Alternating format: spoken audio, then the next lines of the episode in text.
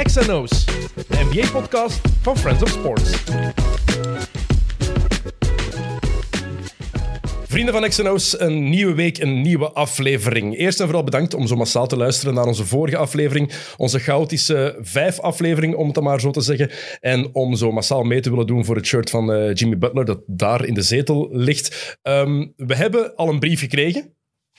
Eentje die is in de bus gedropt, maar er komen er blijkbaar nog heel veel aan, want we hebben heel wat foto's gekregen en filmpjes van brieven die er aankomen. Dus de mensen die op een andere manier hebben proberen meedoen, het spijt ons, jullie zullen niet winnen. Het is voor de mensen die een brief effectief hebben gestuurd en die er tijd in hebben gestoken. Redelijk straf dat dat gebeurd is. Um, jullie kunnen ook weer een andere dikke prijs winnen vandaag, dat is voor straks. Dus dikke merci ook aan de mannen van Bounceware om voor die uh, goodies te blijven zorgen. Uh, we hebben nog iets trouwens, um, maar ja, dat is... Uh, um, moet weggegeven worden door Sam Kerkhoffs. Die mag het zo meteen wel komen vertellen hoe hij dat precies gaat, uh, gaat doen. Um, en nog even erbij zeggen, het is kerst. Jullie zoeken misschien cadeaus, dus ga eens langs Bounceware. Je kan daar misschien wel toffe dingen vinden. Um, belangrijkste voor vandaag, er is nog eens een nieuwe gast. Niet meer met de entourage, de hoofdredacteur van Sporza, Pieter de Wind. Welkom. Dag Dennis. Jij komt er niet vaak van achter de schermen om over basket te praten wel. Voilà. Ik... Uh wou dat eens graag doen bij u, uh, omdat wij babbelen natuurlijk superveel over basket. Um, en ik dacht, ja, waarom niet? Uh, maar het is natuurlijk niet iets wat ik elke dag doe, zoals je weet. Dus uh, Sam Kerkhoff zit hier achter de schermen al te kniffelen. Dus voilà, we gaan het op ons gemak eens even over basket hebben dan. Kijk, voilà. Ook achter de schermen is Jokke Wouters. Jokke, terug in je natuurlijke habitat. Ja, hallo. Ja, gelukkig. Nee, ja. tof. Ja, tof? Ja. Ik vond wel dat hij heel comfortabel uh, voor de schermen zat ook eigenlijk. Uh. Uh, dat begint te beteren, ja. Dat is, eigenlijk, dat is gewoon omdat je, dat je naast Niels zat. Dat is die, ja, tussen dat. Die vibe. Denk het wel. Ja, oké. Okay. Wij gaan normaal gezien dinsdagavond nog eentje met ons twee opnemen als afsluiter van, van 2021. Yes. Um, we zullen wel zien waar we het dan over gaan hebben. Ik heb toch al een kersttrui aangedaan voor vandaag. Um, voor de mensen die op YouTube kijken, die kunnen zien een prachtige OKC-kersttrui vanuit de Play Sports tijd, toen we dat daar nog omkaderden. En Thomas en ik daar zaten te zweten met dit ding aan. En wat had Thomas dan aan? Ofwel deze, ik had er ook een van Miami, maar die hebben we weggegeven. Ah, okay. Tijdens een aflevering. Geen idee wie die gewonnen heeft, maar iemand heeft die, uh, heeft die toen gekregen. Deze gaat ook over 10 minuten uit, want het is echt vreselijk, vreselijk warm. Um, Pieter, er gaan misschien mensen zijn die zeggen um, de hoofdredacteur van Sporza komt over basketbal en de NBA praten, maar Sporza zet nooit NBA uit. Um, ik ga even in jouw plaats praten. Als je de keuze zou hebben en je zou kunnen, volgens mij zou je elke week zeker twee NBA-matchen uitzenden. Als je zou kunnen. Als je zou kunnen, misschien wel. Maar het is natuurlijk, het doet eigenlijk niet ter zake. Um, het is gewoon ge geen optie um, om, uh, om, basket, om NBA-basketbal uit te zenden. Dat is het nooit geweest. Het is natuurlijk wel een optie voor ons om die verhalen op te pikken. Iets wat we wel, denk ik, vrij consequent proberen te doen. Maar tussen televisie en live televisie en s'nachts televisie um, en daar s'morgens online coverage over, over doen, dat is natuurlijk een groot verschil. En het is precies op dat op sporza.be, op onze socials, dat we dat wel heel hard, heel hard meepikken omdat je daar ook de tijd en de ruimte hebt om die verhalen te vertellen. Mm. Uh, wij kunnen hier uh, waarschijnlijk zelfs een heel verhaal afsteken over Stephen Curry. Maar wij moeten toch nog heel vaak zeggen wie Stephen Curry is. Um, voor dat grote publiek. Ja, als je kijkt, uh, sporza.be, laat ons zeggen ongeveer 500.000 bezoekers per dag. Je kunt er niet van uitgaan dat al die mensen zelfs Stephen Curry kennen. Hoe onnozel dat dat misschien ook klinkt als je hier zit, is dat toch iets waar je, waar je veel tijd, energie in steekt om al die verhalen zo goed mogelijk bij dat publiek te laten binnenkomen eigenlijk. Ja, dat is eigenlijk heel straf. Een paar weken geleden um, werd ik opgebeld door de Nederlandse Radio 1 en toen ging het ook over, over Curry en Giannis Antetokounmpo, toen de twee tegenpolen in hun ogen. En dan vroegen ze mij ook, ja, Stephen Curry, heel bekend is hij nog niet. En mijn reactie was toen ook, eigenlijk zou... En ze vroegen mij, waarom zouden we die moeten kennen? Ik zei, van, eigenlijk zouden jullie die al lang moeten kennen. Het is heel raar dat jullie die nog niet zo... Dat die nog zo onbekend is voor, voor zoveel mensen. Ja, je moet er ook van, vooral van genieten. Ja. Curry, ook al ouder dan 30. Uh, LeBron bijvoorbeeld, elke keer als je die ziet spelen... Uh, al die stories rond, rond uh, LeBron, je moet er echt van genieten. Want kunt je voorstellen, op een moment gaat hem er niet meer zijn. Kunt je voorstellen dat op een moment LeBron niet meer is. Uh, ja, dan, dan gaat het pak wegvallen ook. Tuurlijk. En je moet er echt van genieten van dat soort uh, spelers. Hè. Je moet ook elke dag genieten van Kevin De Bruyne. En van, mm -hmm. hè, want ik heb ook altijd tegen, tegen de mensen rond, ah, tegen mijn kinderen gezegd, geniet ook maar van company. Hè. We hebben dat nooit gehad.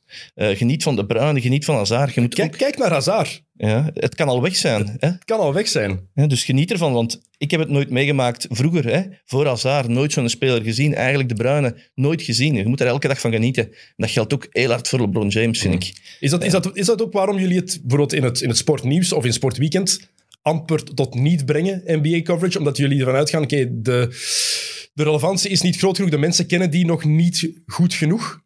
Maar het is vooral, op die moment gaat je eigenlijk eh, een keer een one-shot doen. Ehm, je gaat eh, bijvoorbeeld in het journaal fan- een eh, fantastische buzzerbeater, hè?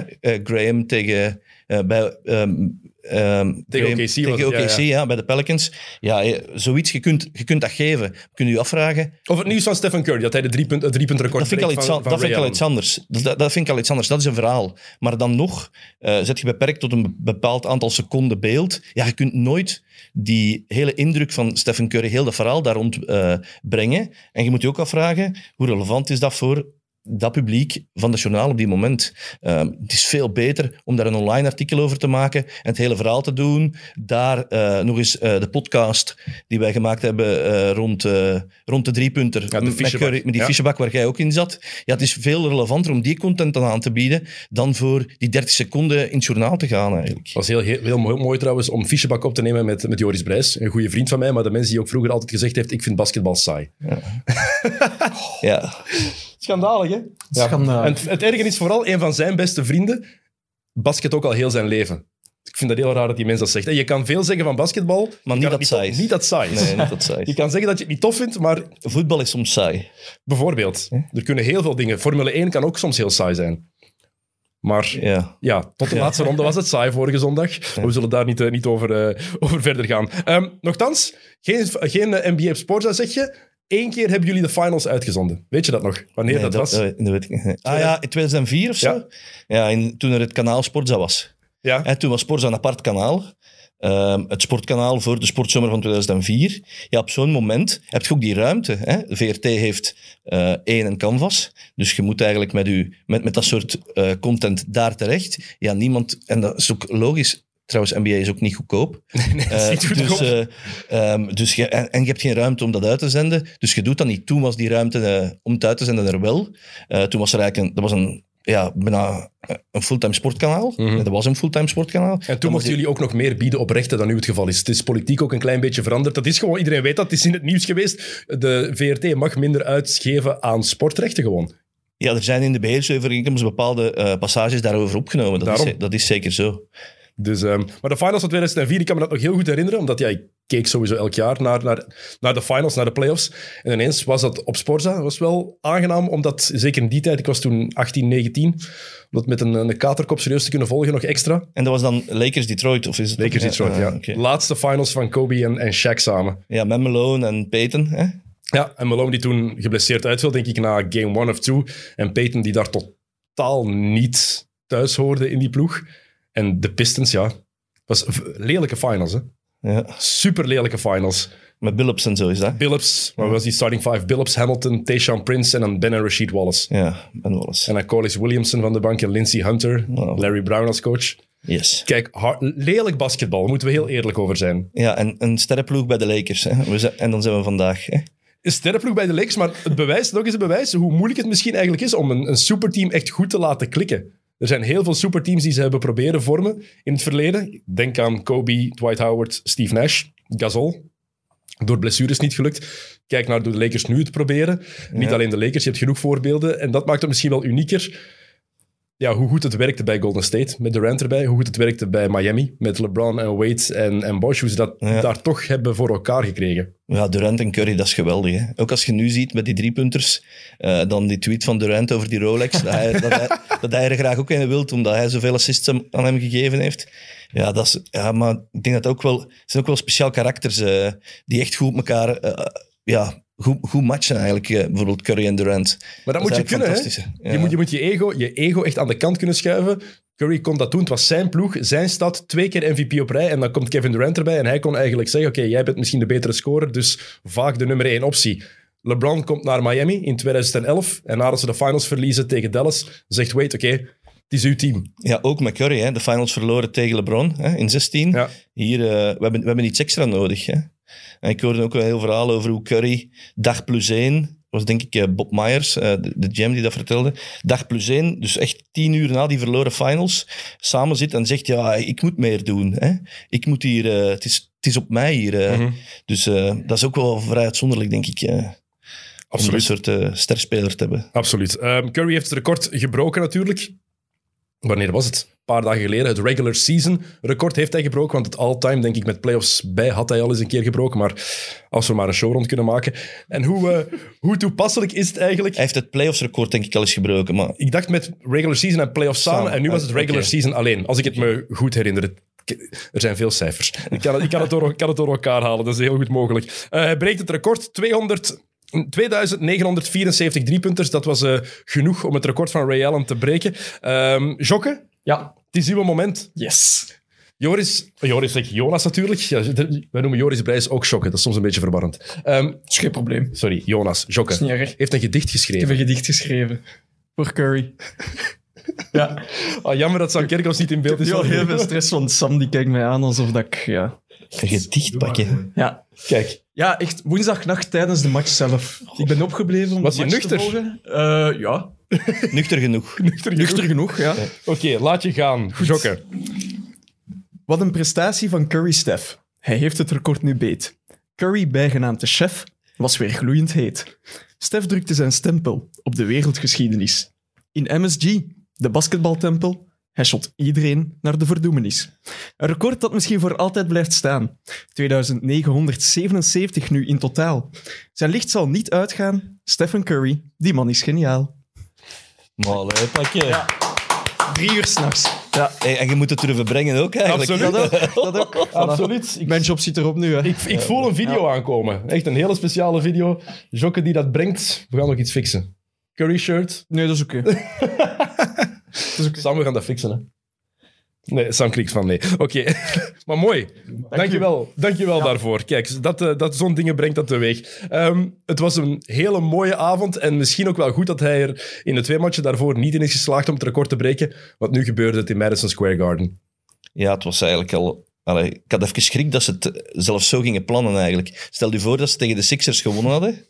Dan had hij misschien tegen de Pacers eh, back-to-back gerust. En dan was het, eh, dan was het ook in MSG geweest. Dus ik denk dat, ze, dat, ze wel heel, dat hij dat heel graag daar wou doen. eh, als het niet in, in San Francisco is, dan moet het maar, moet het maar in New York, denk ik. Dus En is, eh, Het was ook heel toepasselijk. Ray Allen was daar aanwezig. Iedereen wist ook, hij heeft er twee nodig. Dus Miller, Miller deed commentaar. het paste perfect, hè? Ja. De ouders waren daar. Oké, ze zitten niet meer bij elkaar, want daar is blijkbaar veel gebeurd tussen, tussen Sonia en, eh, en Del Curry. Papa Curry had andere vrouwen rond hem.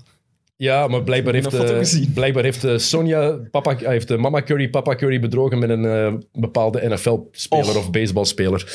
Het was wel een heel schoon beeld met, met Stefan en Del Curry na de match. Uh, Alleen op het moment, Ja, ja. op het moment van de tweede driepunter. Dat is wel eh, cool. Vond ik ook wel cool. Dat zie, dat zie ik in Europa niet meteen gebeuren. Dus hij breekt dat record, typisch Amerikaans in mijn ogen, hij breekt dat record en de match wordt stilgelegd. Ja, dat ziet je veel, Ja. dat er dan een time-out gevraagd wordt. Hè. Bij Ray Allen was dat ook, hè. Ja. Maar dat is er ook wel een beetje over. Hè. dat is ook wel- Eigenlijk ja. is het er een beetje over. Hè. Maar dat is Amerikaans, het hoort erbij. Hè? Iedereen applaus, iedereen recht op de bankje. Eh, die bal bijhouden, aan vader Curry geven. Ik vond dat, ja, dat, is, dat hoort En erbij. het was bij LeBron, denk ik, zelfs toen hij van, van derde all-time scorer naar tweede ging, is dat ook gebeurd. Hè. Dus dan had nog niks. Hè. Eh, maar dan gebeurt dat ook. Hè. Maar ik denk dat de redenering daar ook meer is. Het record van Kareem Abdul-Jabbar gaat niemand waarschijnlijk breken. Dus als je dan tweede wordt, het kan nog altijd, maar dat was toen de redenering. Ja, er wordt soms gemakkelijk over gedaan van hij gaat dat wel pakken. Maar dat is nog, dat is nog wel wat. Hè. En Kareem, tot hoeveel heeft hij gespeeld? Eén- 40, 40 jaar? Hij heeft zo? 20 jaar gespeeld, maar die mens heeft ook vier jaar in college gezeten. Hè? Ja, ja, is waar. Dus LeBron zit nu een jaar 19, maar heeft geen enkel collegejaar gehad. Dus eigenlijk, dan zou wij LeBron moeten doorgaan tot, jaar, tot einde van jaar 23. Ja. dat is toch wel heel waanzinnig. Het zou wel passend Nou, als zijn. iemand het kan, eh, het is wel ongelooflijk. Ja. Het is waanzinnig, hè? Dat is echt ongelooflijk. Dat, dat lijf en... Want nogmaals, we gaan hem missen. Hè. We gaan Tuurlijk. hem missen als hem stopt. Hè. Maar iedereen, ook, ook Kevin Durant gaan we missen, Stephen Curry gaan we missen, James Harden gaan we missen. Als we Kyrie Irving, stel je voor dat we die nooit meer zouden zien. Ja, dat zou, heel, dat zou waanzinnig erg zijn. Het zou vreselijk zijn. Oh, sportief vreselijk. Natuurlijk. Ja. Ja, stel je voor. Ja. Het zou heel spijtig zijn. Maar ik vond het wel mooi, het moment in Madison Square Garden. Ehm, en ook heel mooi, Del Curry krijgt dan die bal. Ja. Dag erna had hij die bij, want hij is commentator voor de Hornets. En Ja. die reizen het hele land door ook. Ehm, en had die bal gehandtekend bij, dus die houdt hij ja, ik heb wel gezien. bij ja. zich.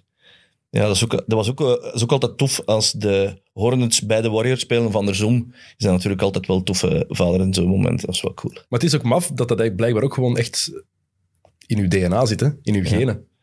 Del Curry, een van de beste shotters aller tijden. Steph, de beste aller tijden. Seth Curry, Ja, ook een topseizoen eigenlijk aan het Ja. draaien. kan ook wel knallen. Ik Als je dat die maf. filmpjes ziet van vroeger, hoe dat de twee Currys dan ook mee op dat plein staan met Ja. je vader, dat shot, dat lijkt al zo hard op het shot dat hij nu heeft. Maar toch heeft hij het helemaal moeten, moeten veranderen. Hè? Want omdat hij te klein was vroeger, was het meer zo'n slingershot eigenlijk. Hij moest daar te veel kracht in zetten. En blijkbaar hebben Ja, ze het kwam één nog van, van de heup. Ja. Dat zijn zo van die Thibaut Nijs-video's eigenlijk. Hè? dat is een beetje Misschien moeten we het daar niet over Eh, hebben. Oké. Ja, Gelle zit de baas hier. Hè? Dus, eh, ik volg. Ja, maar het is, het is mooi om te zien hoe hij dat shot ook helemaal veranderd heeft. En nu, ja, het is de beste shooter aller tijden. En er is, bestaat toch geen, het bestond in mijn ogen al geen discussie over. Nee, en dat shot is niet alleen veranderd, ook dat lijf is helemaal veranderd. Hè? Ik zag nu met ja, dan zijn, zijn tien beste driepunters of zo, zag ik die eh, gamewinner eh, tegen OKC, denk ik, in 16. Ja, dat is een andere mens, hè. En, en eigenlijk op, la- op vrij late leeftijd, als je nu die armen ziet en zo, eh, alhoewel hij wel er gewoon blijft uitzien en ook gewoon doet. En dat vind ik zo cool aan Stephen Curry, dat hij dat die gewoon is. En dat, die, dat dat lijkt alsof ook gewone mensen nog in de NBA eh, ergens speciaal dingen kunnen doen. Hè, die, is niet, die is geen eh, twee meter en, en zeven, ook geen twee meter. is kleiner dan ik. eh, voilà. Dus, dus dat, dat gewone. En die doet ook gewoon... lijkt... Allee, ik ken die mensen natuurlijk niet, maar die lijkt, die lijkt geweldig gewoon te doen. Die gaat ook tot vijf uur s morgens op stap na dat, na dat record. Heb je dat gezien? Nee? Dus eh, zo video's... eh, Zo'n beetje paparazzi-video's als die het hotel binnenkwam in New York om 5 uur 30 s morgens, met die pet nog altijd op met 2974. Echt? Ja, dus, dat, allee, dus die gaat ook nog... En dan denk ik dat ze dan wel even twee dagen vrij waren of zo daarna. Maar eh, ja, Dat is wel zot. Dat Want is heel ze, hadden, ze hadden de dag ervoor al hun vliegtuig, had ook al vertraging en zo, dus Ze zijn de dag van de match zelf... ideale De voorbereiding. dag, van de, de dag van de match zelf zijn ze naar New York gevlogen om dan die avond meteen zelf te spelen. Dus niet ideaal voor het, eh, voor het Nee. lichaam natuurlijk als ze van Indiana komen.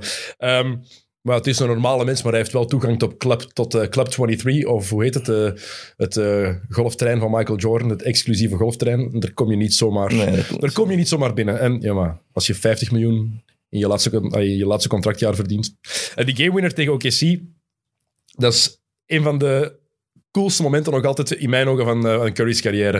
Ik weet nog, ik kwam toen juist terug van een feestje, toen alles toch gewoon open was natuurlijk. Een beetje onder de invloed. Eh, en ik kwam thuis binnen en ja, even gsm pakken, is er nog een match bezig. En ik zette dat op en dat was echt 10 seconden voor die een buzzerbeater. Perfecte timing. Ja, perfect. Ik was ook wel direct nuchter. Maar er wordt veel, denk veel in dronken toestand naar NBA gekeken. Ja, denk ik. Ja, terecht hè. Ja, de tijd zo. Ehm, ik had laatst wel iets opvallends trouwens eh, van ehm, Stephen A. Smith. Die ehm, zei iets interessants in mijn ogen over Madison Square Garden. 99% van de legendarische momenten in MSG die komen van een bezoekende speler of een bezoekende ploeg. Dat is ook waar. Dat is wel echt... Ja. Dat is ook waar en dat is spijtig. En dat is ook de, de tragiek van de Knicks ook wel. Hè. Eh, dat, dat dat dingen gebeurt. Hè. Buiten de, die four-point play van, van Larry Johnson kan ik mij eigenlijk niks... Hè, dat was toch ook in MSG? Ja. Daar kan ik me eigenlijk eh, niet veel eh, momenten herinneren eh, waarbij de Knicks... Maar je kunt u wel Jordan in, in MSG herinneren. Je kunt u het All-Star Game met Jordan en Bryant in MSG herinneren. Je kunt u, er zijn wel veel dingen, maar zelden met de Knicks. En hij, hij ging, ik heb ook gezien en hij ging er dan echt op door. Hè. Hij, hij, zit, dan als fan van de Knicks, maar toch echt ja, zwaar aan het kakken eigenlijk op de Knicks. Dat is echt super Maar, grappig. je- maar je kakt altijd het gemakkelijkst op de ploeg waar je het meeste van houdt. Dat is gewoon Ja. zo. Dat is heel gemakkelijk. Ik merk dat zelf ook. Vroeger, je was het meest kritische voor de ploeg waar je het meeste liefde voor had. Maar er zit ook veel tragiek in die Knicks natuurlijk. Hè. Tuurlijk. Als je kijkt, een paar momenten. Je hebt Jordan al aangehaald. Jordan die 55 punten scoort, die double nickel bij zijn comeback in 95. Ja, Jordan in 92 over Ewing. Genoeg momenten van Jordan in Madison Square Garden. Reggie Miller met zijn 8 punten Oh, in ja. 9 seconden. Trae Young nu? Trae Young vorig jaar inderdaad. Curry, die 54 punten scoort een paar jaar geleden. Dat was acht jaar geleden nu al. Dat is een record nu. Eh, heel wat momenten. Maar de Knicks zelf. Ik heb vier momenten opgeschreven die eh, voor mij bovenuit Ah. Dus je hebt er al eentje genoemd. De four-point play van Larry Johnson in Ja. 99. Carmelo Anthony tegen de Bulls. Het was in het reguliere seizoen, maar heeft daar die overtime, die twee daggers die hij langs de, van de rechterkant op 45 graden binnenknalt. Ehm, de titel die ze pakken, dat is lang geleden. Ik was er toen nog niet, 1970, maar het is wel een legendarisch moment. Ehm, en het moment voor Madison Square Garden van de laatste 20 jaar eigenlijk voor de Knicks. Dat is erg om te zeggen. Linsanity. Ja. Goh, man. Ja, Ja, dat is waar. dat is toch het... Ja, dat is, dat is echt waar. En is dat, is dat niet eigenlijk het voorbeeld van de tragiek van de Knicks? Dat dat het moment is in Madison Square Garden van de laatste 15, 20 jaar? Ja, het voorbeeld van de tragiek van de niks gaat worden, gaat worden dat ze Zion pakken, dat ze daar alles op inzetten, dat ze Zion pakken en dat het dan echt met Zion echt verkeerd gaat. Dat gaat het moment van de tragiek van de niks zijn. Hoe gaan dat ze Zion dat pakken. doen? Ze gaan Zion pakken. Ja, je ze, gaan dat Zion, echt. ze gaan Zion Er, pakken. zijn- er, zijn- er wordt al gesproken over het feit dat de Pelicans Zion zijn contractverlenging misschien beter niet zouden aanbieden.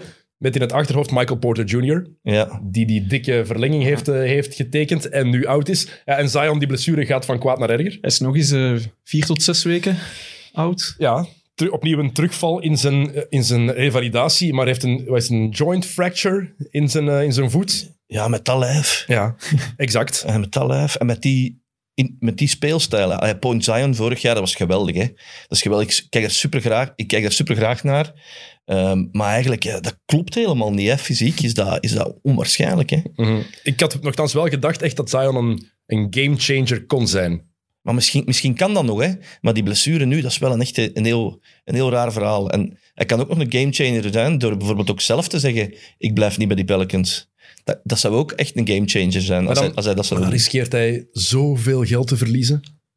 Dus dan kan hij 30% minder verdienen. Ja, maar ja, In Amerika kijken ze nog altijd nog wat, zijn ze nog meer money-driven dan hier. Hè?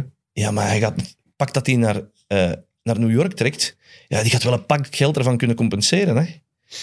Die gaat wel een pak geld ervan kunnen compenseren. En die kan dan, ik heb eens gekeken, die kan dan denk ik volgend jaar zo, hoe heet dat, die qualifying offer pakken. Ja. En dan is dat 17 miljoen dollar of zo. Eh, dus ja, dat is ook niet niks, hè, Dennis. Dat, is- dat, blijft, dat blijft heel veel geld. Maar het erge is voor die mannen, als, als je weet wat ze kunnen verdienen, is dat peanuts. dat is het, het schandalige aan het systeem misschien wel. Ja, en voor spelers die daarbuiten allee, geen inkomsten of wat minder inkomsten hebben, maar voor Zion, als, het, als, hij, als hij echt in zichzelf gelooft, en daar zal die blessure misschien wel een rol in spelen, als hij echt in zichzelf gelooft, ja, dan kun je, wel, eh, dan kun je dat wel op een bepaalde manier goed maken. Mhm. Ehm, denk dat Jordan misschien nog wel iets bijlegt. Ja, maar Dus, eh, Hey, dat is, dat is het. Hij heeft een contract bij Jordan getekend, een heel lucratief contract. En nu die setback heeft hij een soort een speciale injectie in zijn voet gekregen. Ik weet niet wat het precies was, maar het was iets speciaals blijkbaar. Ehm, ik vind het onbegrijpelijk dat iemand die zoveel middelen ter beschikking heeft, zo'n contract heeft bij een gigantisch bedrijf als, als Jordan, dat hij zichzelf dan zo slecht verzorgt. Want je kan niet zeggen dat die mens effectief aan zijn lichaam werkt. En hij heeft ook nog geld van Mountain Dew, zo, eh, Ja, hè, zo, een, een drank, die zit volgens mij wel vol suiker. hè. dat is, dat is niet gezond. ja, maar dat is echt degoutant. ja, dat is niet- Ik, dat is echt... Allee, Is dat ook niet fluo-groen? ja, dat is. Dus je ja. moet denken Sprite, maar dan met nog 10 kilo suiker erbij. Ja. Dat is maar... Ja, goed. En moet dat merk ook promoten. Hè? Dus, Ja, maar dat is eh, wel... allee, ja. Vreselijk. Maar het is toch onbegrijpelijk? Het is 2021. Er zijn al die middelen. Hoe kan je nu er niet fit genoeg zijn ja, maar kijk als naar, prof? kijk naar Luca. Ja, maar dat begrijp ik ook niet. En Luca had drie weken. Hè?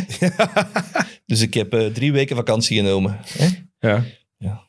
Nu, Luca, is, dat is minder erg. Hè? Dat, is minder, ik, allee, dat ziet er minder erg uit dan Zion. Die, die blessures zijn ook minder erg.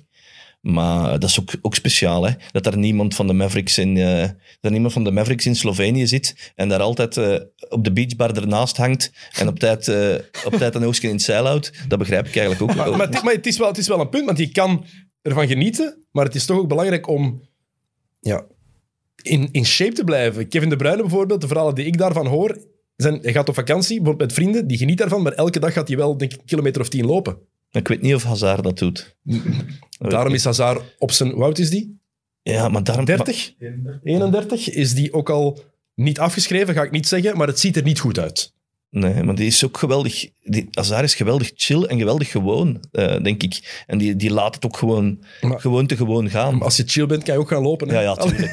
dat, is, dat is Die allemaal... discussie, die discussie gaan we niet hebben. Nee, nee, dat is allemaal niet zo... niet- Allemaal niet. Die discussie gaan we niet hebben. Eh, het goedkoopste ticket in Madison Square Garden, want het ging, even, het ging over Curry. Het goedkoopste ticket in Madison Square Garden, heb je die prijs daarvan gezien? Nee. 565 dollar. Het goedkoopste ticket. Eh, voor het seizoen was dat nog 100 dollar. Dus Curry heeft de prijs van één ticket van het goedkoopste doen stijgen met Voor die vier- match dan? Voor die match met 465 procent. Dat zijn wel- momenten waar iedereen wel bij zijn. Hè. Tuurlijk. Ook rond het veld. Maar het is toch onwaarschijnlijk. Is veel geld. Hè. Dat is echt heel veel geld. En ik geef graag geld uit, als ik het zou hebben, aan, eh, aan NBA-matchen. Maar dit hier zou ik toch voor moeten passen. Letterlijk moeten. Ja, mijn grootvader zou gezegd hebben 20.000 frank. Ja. Meer dan 20.000 Meer dan frank. Wauw. Reken jij nog in frank? Nee, nooit. Het kon, hè? Maar om te vergelijken is dat wel cool. Hè? Mhm. Als je nog eens vergelijkt, dan is meer. Absoluut. Ehm, je zei het al, Durant wil zijn Rolex ook. Wie die tweet nog niet gezien heeft, eh, ga even naar de Twitter-account van Kevin Durant. Durant is heel hard in vorm daar de laatste tijd. Hij wil dat eh, zijn Rolex, omdat Curry een gegeven heeft aan Draymond Green en Andre Iguodala, nummer 1 en 3 in de lijst van de gasten die het meeste assists hebben gegeven op zijn driepunters. Durant is nummer 2. Dus die gaat er wel in krijgen, denk ik. He wants his Rolly. Heeft ook Skip Bayless te kakken gezet. Ja, dat heb ik ook gezien, ja. Vond ik goed. I don't like you of zoiets. Ja. Ja, Skip had iets gezegd van eh, Durant, de beste speler van de wereld, is weer bezig. Ehm, Heb je LeBron- het gezien, LeBron? Ja, of zoiets, voilà. En Durant die gewoon aan de don't retweets. I don't like you. Ja. Ik, heb- allee, Durant, weet je wie, wie, wie mij die soms doet denken? Aan Tom Bonen. ja, dat is raar, hè? Ik besef dat dat raar is. Maar omdat hij zo eh, cool en onafhankelijk is. En ook naar journalisten toe en zo, die doet gewoon zijn eigen ding. Die heeft talent. Ik heb dat niet nodig. Ik ben er voor mijn ploegmaat. Ehm, en ik, eh, ik durf ook al wel eens, eh, wel eens met een journalist lachen. Zo. Dat, zo, dat heeft Bonen ook. Als je zag, na die match tegen de Pacers, was er... Of, tegen, Pacers, of tegen de Sixers, ik weet niet, was er eigenlijk een interview, kwam- stelde Barkley een vraag aan Curry, Ja, ja, ja. die dan zo- zo'n heel, allee, eigenlijk geen vraag, een soort statement. Ehm, en eh, Curry zei dan, yep. En dan zei hij, I just pulled a KD on you. Ja, was na die match tegen de Knicks, nadat hij het record gebroken had. Was Na het toen- record, was na het record, oké. Want Barkley komt met een hele uitleg. Ja, zo'n- dat is er gebeurd en jullie hebben, eh, jullie hebben vertraging gehad met jullie vliegtuig. Voilà, en dus dat is, eigenlijk, dat is eigenlijk ook KD, van er zo op die manier eh, eh, mee te lachen eigenlijk. En, en dat vind ik ook wel een beetje... Een beetje dat is- ik begrijp het dat het een loze vergelijking is, maar zo die, die onafhankelijkheid en dat is uw eigen ding doen en ook al een keer iets minder populair doen eh, in, uw, eh, in uw privé of, eh, of in het geval van Durant met wat burner-accounts. ja, en, en, eh, en toch, heeft iedereen, allee, toch heeft iedereen het altijd zo voor u. En dat gevoel heb ik ook een beetje bij, bij Bonen zo. Die kan ook niks misdoen. Ja, Bonen, Bonen nog meer dan Durant, omdat Durant naar, naar Golden State is gegaan. Daar hebben ook veel mensen een probleem mee. Maar ik snap, ik snap je vergelijking. Het je m'en foutisme is daar wel te voelen. Ja, voilà. Zo. Ergens. Maar wel op een coole, wel op een coole manier zo. Dat- Die onafhankelijkheid vind ik wel echt, vind ik wel echt cool van Bonen heeft van dat wel. Gekweekt. In het begin was dat nog niet zo. Ja, oké. Blijf, als ik aan Tom Bonen denk, automatisch denk ik aan het legendarische moment dat Michel Wuits daar bij hem op, eh, op het bed zit. Oh ja, Ja. van die Hespa. En niet, en niet een t-shirt. We'll fuck on first date. ja, dat wel. Ja, dat is wel. Ay, dat moment is zo... oh, Maar bij Durant was dat in het begin ook niet zo natuurlijk. Hè. Nee. Dat was ook... eh, ah, he- heerlijk. Ehm, hoe zouden Ray Allen en Reggie Miller het nu doen, denk je? De nummers 2 en 3 op de all-time lijst. Als we Ah. kijken naar beste shooters, ook al is voor mij Clay Thompson nummer 2. Algemeen wordt nog altijd gezegd dat Ray Allen en Reggie Miller 2 en 3 zijn. Ehm, hoe zouden die het nu doen in deze manier van in deze speelstijl in de NBA anno 2021? oh, dat vind ik altijd heel moeilijk om dat, om dat soort dingen te gaan, te gaan vergelijken en eh, met elkaar... eh, eh.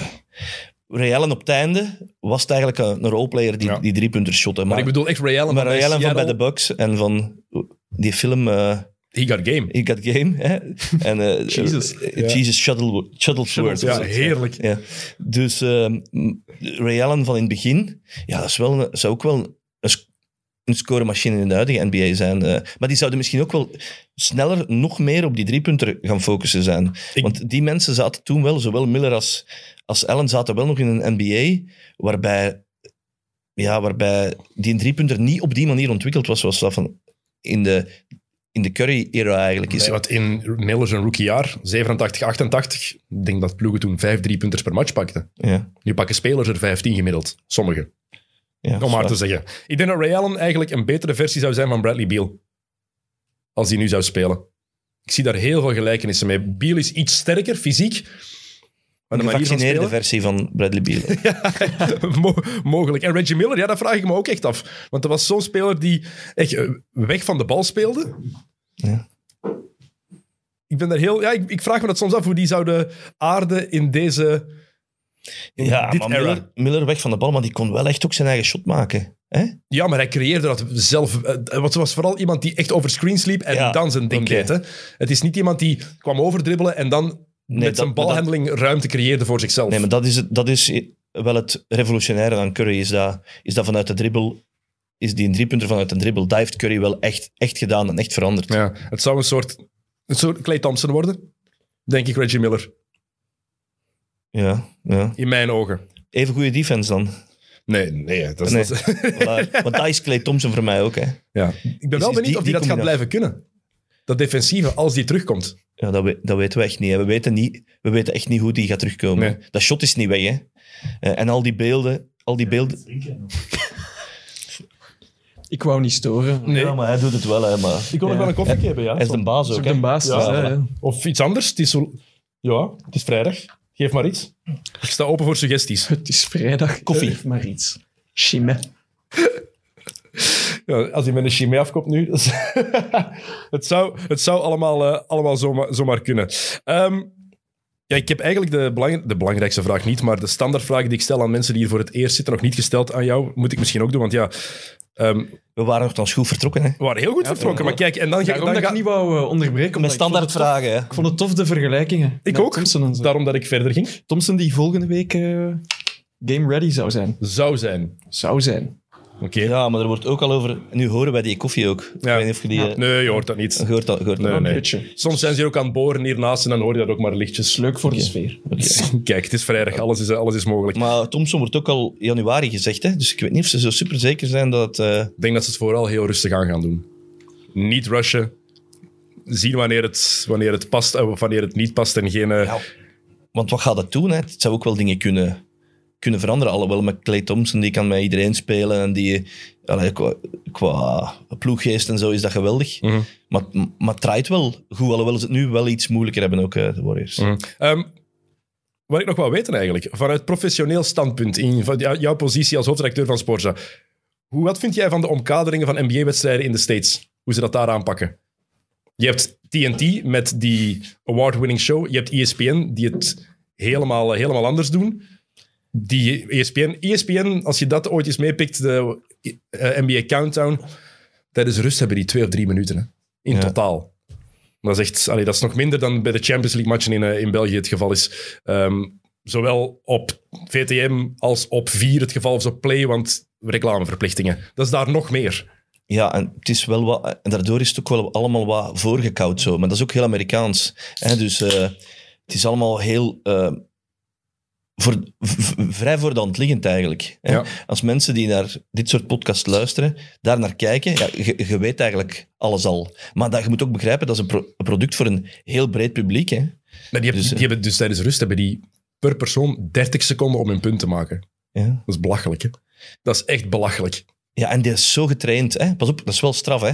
Je moet, allee, Shaq trekt hem daar weinig van aan, van die, van die 30 seconden. Maar die hebben meer tijd. Die, Die, man, die mannen hebben meer tijd. Maar voor de rest is dat heel hard, ge- heel hard geformateerd. Hè. Die 30 seconden en er wordt alles ingepropt. En volgens mij zit daar ook een hele redactie achter die dat helemaal... Allee, laat, laat ons zeggen dat we daar zeker van zijn. Zeker, dat, daar ja. een heel, dat daar een hele redactie achter zit. Ehm, de manier ook waarop dat die eh, analisten en zo eh, dat pakken. En precies die 10, 15 seconden en zo van Gundy, hè, die eigenlijk de indruk geeft dat je hem eigenlijk moeilijk kunt coachen. Hè, eh, maar die dat dan toch wel helemaal volgens die eh, strakke timing en strakke afspraken doet. Nu, Van Gundy gaat er ook goed voor betaald worden.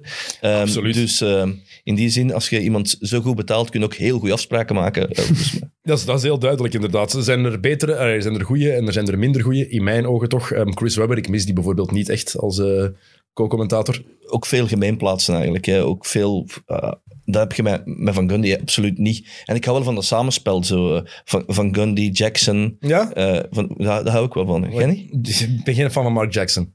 Het is, het is, je, je, je hoort dat het gefabriceerd is. Ja, maar ik... Mama, there goes that man. Ja, dude. Ja, oké. Maar ik, ik hou wel van, van dat respect tussen die mannen. Ja. En de, de voorgeschiedenis tussen die mannen. Dat, dat, dat, vind ik wel, dat vind ik wel tof. Ben je fan van de praatprogramma's die hier in de States zijn rond NBA? Want het is heel veel, veel meer meningen dan hier. Hè. En daar wordt ook meer aanvaard dat journalisten en specialisten, kenners tussen aanhalingstekens, dat die effectief ook voor hun mening uitkomen. In Europa is het nog... In, in Engeland wordt het al meer aanvaard, ook al zijn het daar vooral ex-voetballers. In Europa is dat veel minder aanvaard dat journalisten daar ook zo voor hun mening uitkomen. In de States is dat de normaalste zaak van de wereld. Ja, en die maken daar ook zo, lekker zoals eh, Ste- Stephen A. Smith, die mannen maken daar ook een business van. Hè. En die komen er ook vooruit. Hè. Ik heb hier, dat programma heet ook First Take, denk ik. Ja. Dus dat, ik, ik, ben, ik ben hier daarvoor gezet, hè, om hier eh, wat kletsen uit te delen en wat meningen te hebben. En dan, maar soms, allee, als je het over Bayless en zo hebt, dat vind ik wel grotesk. Allee, dat is echt, dat is comedy bijna. dus eh, dat vind ik eigenlijk... eh, Maar dat is ook te veel willen provoceren is er- en polariseren. En dat is erover, dat is gewoon erover. Dat ik, ik vind het wel veel toffer. Is, in veel van die podcasts komen die journalisten anders terug en pakken die wat meer tijd. Ja. Eh, zit er ook wat meer nuance in. Voelt ook hoeveel dat die weten, hoeveel dat die rondbellen. Eh, Zo'n Zach Lowe of zo, dat vind ik wel fantastisch om naar te luisteren. Ja, Zach Lowe die zit nu ook vaak in, hoe heet het, nieuwe de opvolger van The Jump, NBA, Today. Super awkward om naar te kijken, vind ik, want die hebben dan een gesprek en het zou hetzelfde zijn dat ik met jou praat, maar dat En ik naar de constant in die camera aan het kijken, ben. Ik word daar echt heel ambetant van. Je weet dan, je bent aan het praten met de persoon rechts van u, maar je moet dan in die camera zo te zien. Nee, nee zwart, dat is iets helemaal anders. Ik vind dat heel, heel ongemakkelijk. Maar Dat is ook omdat je aan uw kijker uw punt aan het maken ja, bent, hè. maar die gaat dat even goed dat punt snappen als je praat met de mensen die Ja, in de studio bij u zitten, hoor. Ik vind dat nog altijd... Maar dan is het minder uw punt. Hè. Het gaat de hele tijd over, ik maak hier mijn punt. Mhm. Ik heb dit hier gezien, ik heb dit hier geresearched en ik ga dit droppen. Hè. En je ziet aan sommigen wel dat ze het daar moeilijker mee hebben. Dat ze effectief willen praten tegen de persoon die, die er bij hen zit. Eh, maar zij geloof bijvoorbeeld was pas een punt aan het maken over de MVP-case van Nikola Jokic. En heerlijk hoe die wel gewoon zichzelf blijft en heel fel is. Nee, nee mij niet onderbreken, ik ben nog bezig. Nee, mij niet onderbreken, wachten. Shut up. Maar die, die durft ook, eh, als er iets misgaat, durft hij dat ook benoemen. Ja, dus ik, vind dat, allee, ik heb daar wel voor. Ja, absoluut, absoluut. Eh, jij bent even groot als ik, ongeveer. Ja. Hm? Ehm, maar als ze jou vragen of je een basketter bent, kan jij effectief nee zeggen. Ik kan nee zeggen. Krijg jij die vraag ook veel? Nee, eigenlijk Nee? niet. Wel heb je vroeger gebasket. Ik kom in redelijk wat basketzalen. Hè. Ik heb een dochter die basket. Dus ehm, ja, dan vragen ze wel, heb jij ook gespeeld? Hè? Ja. Mijn vrouw heeft gebasket.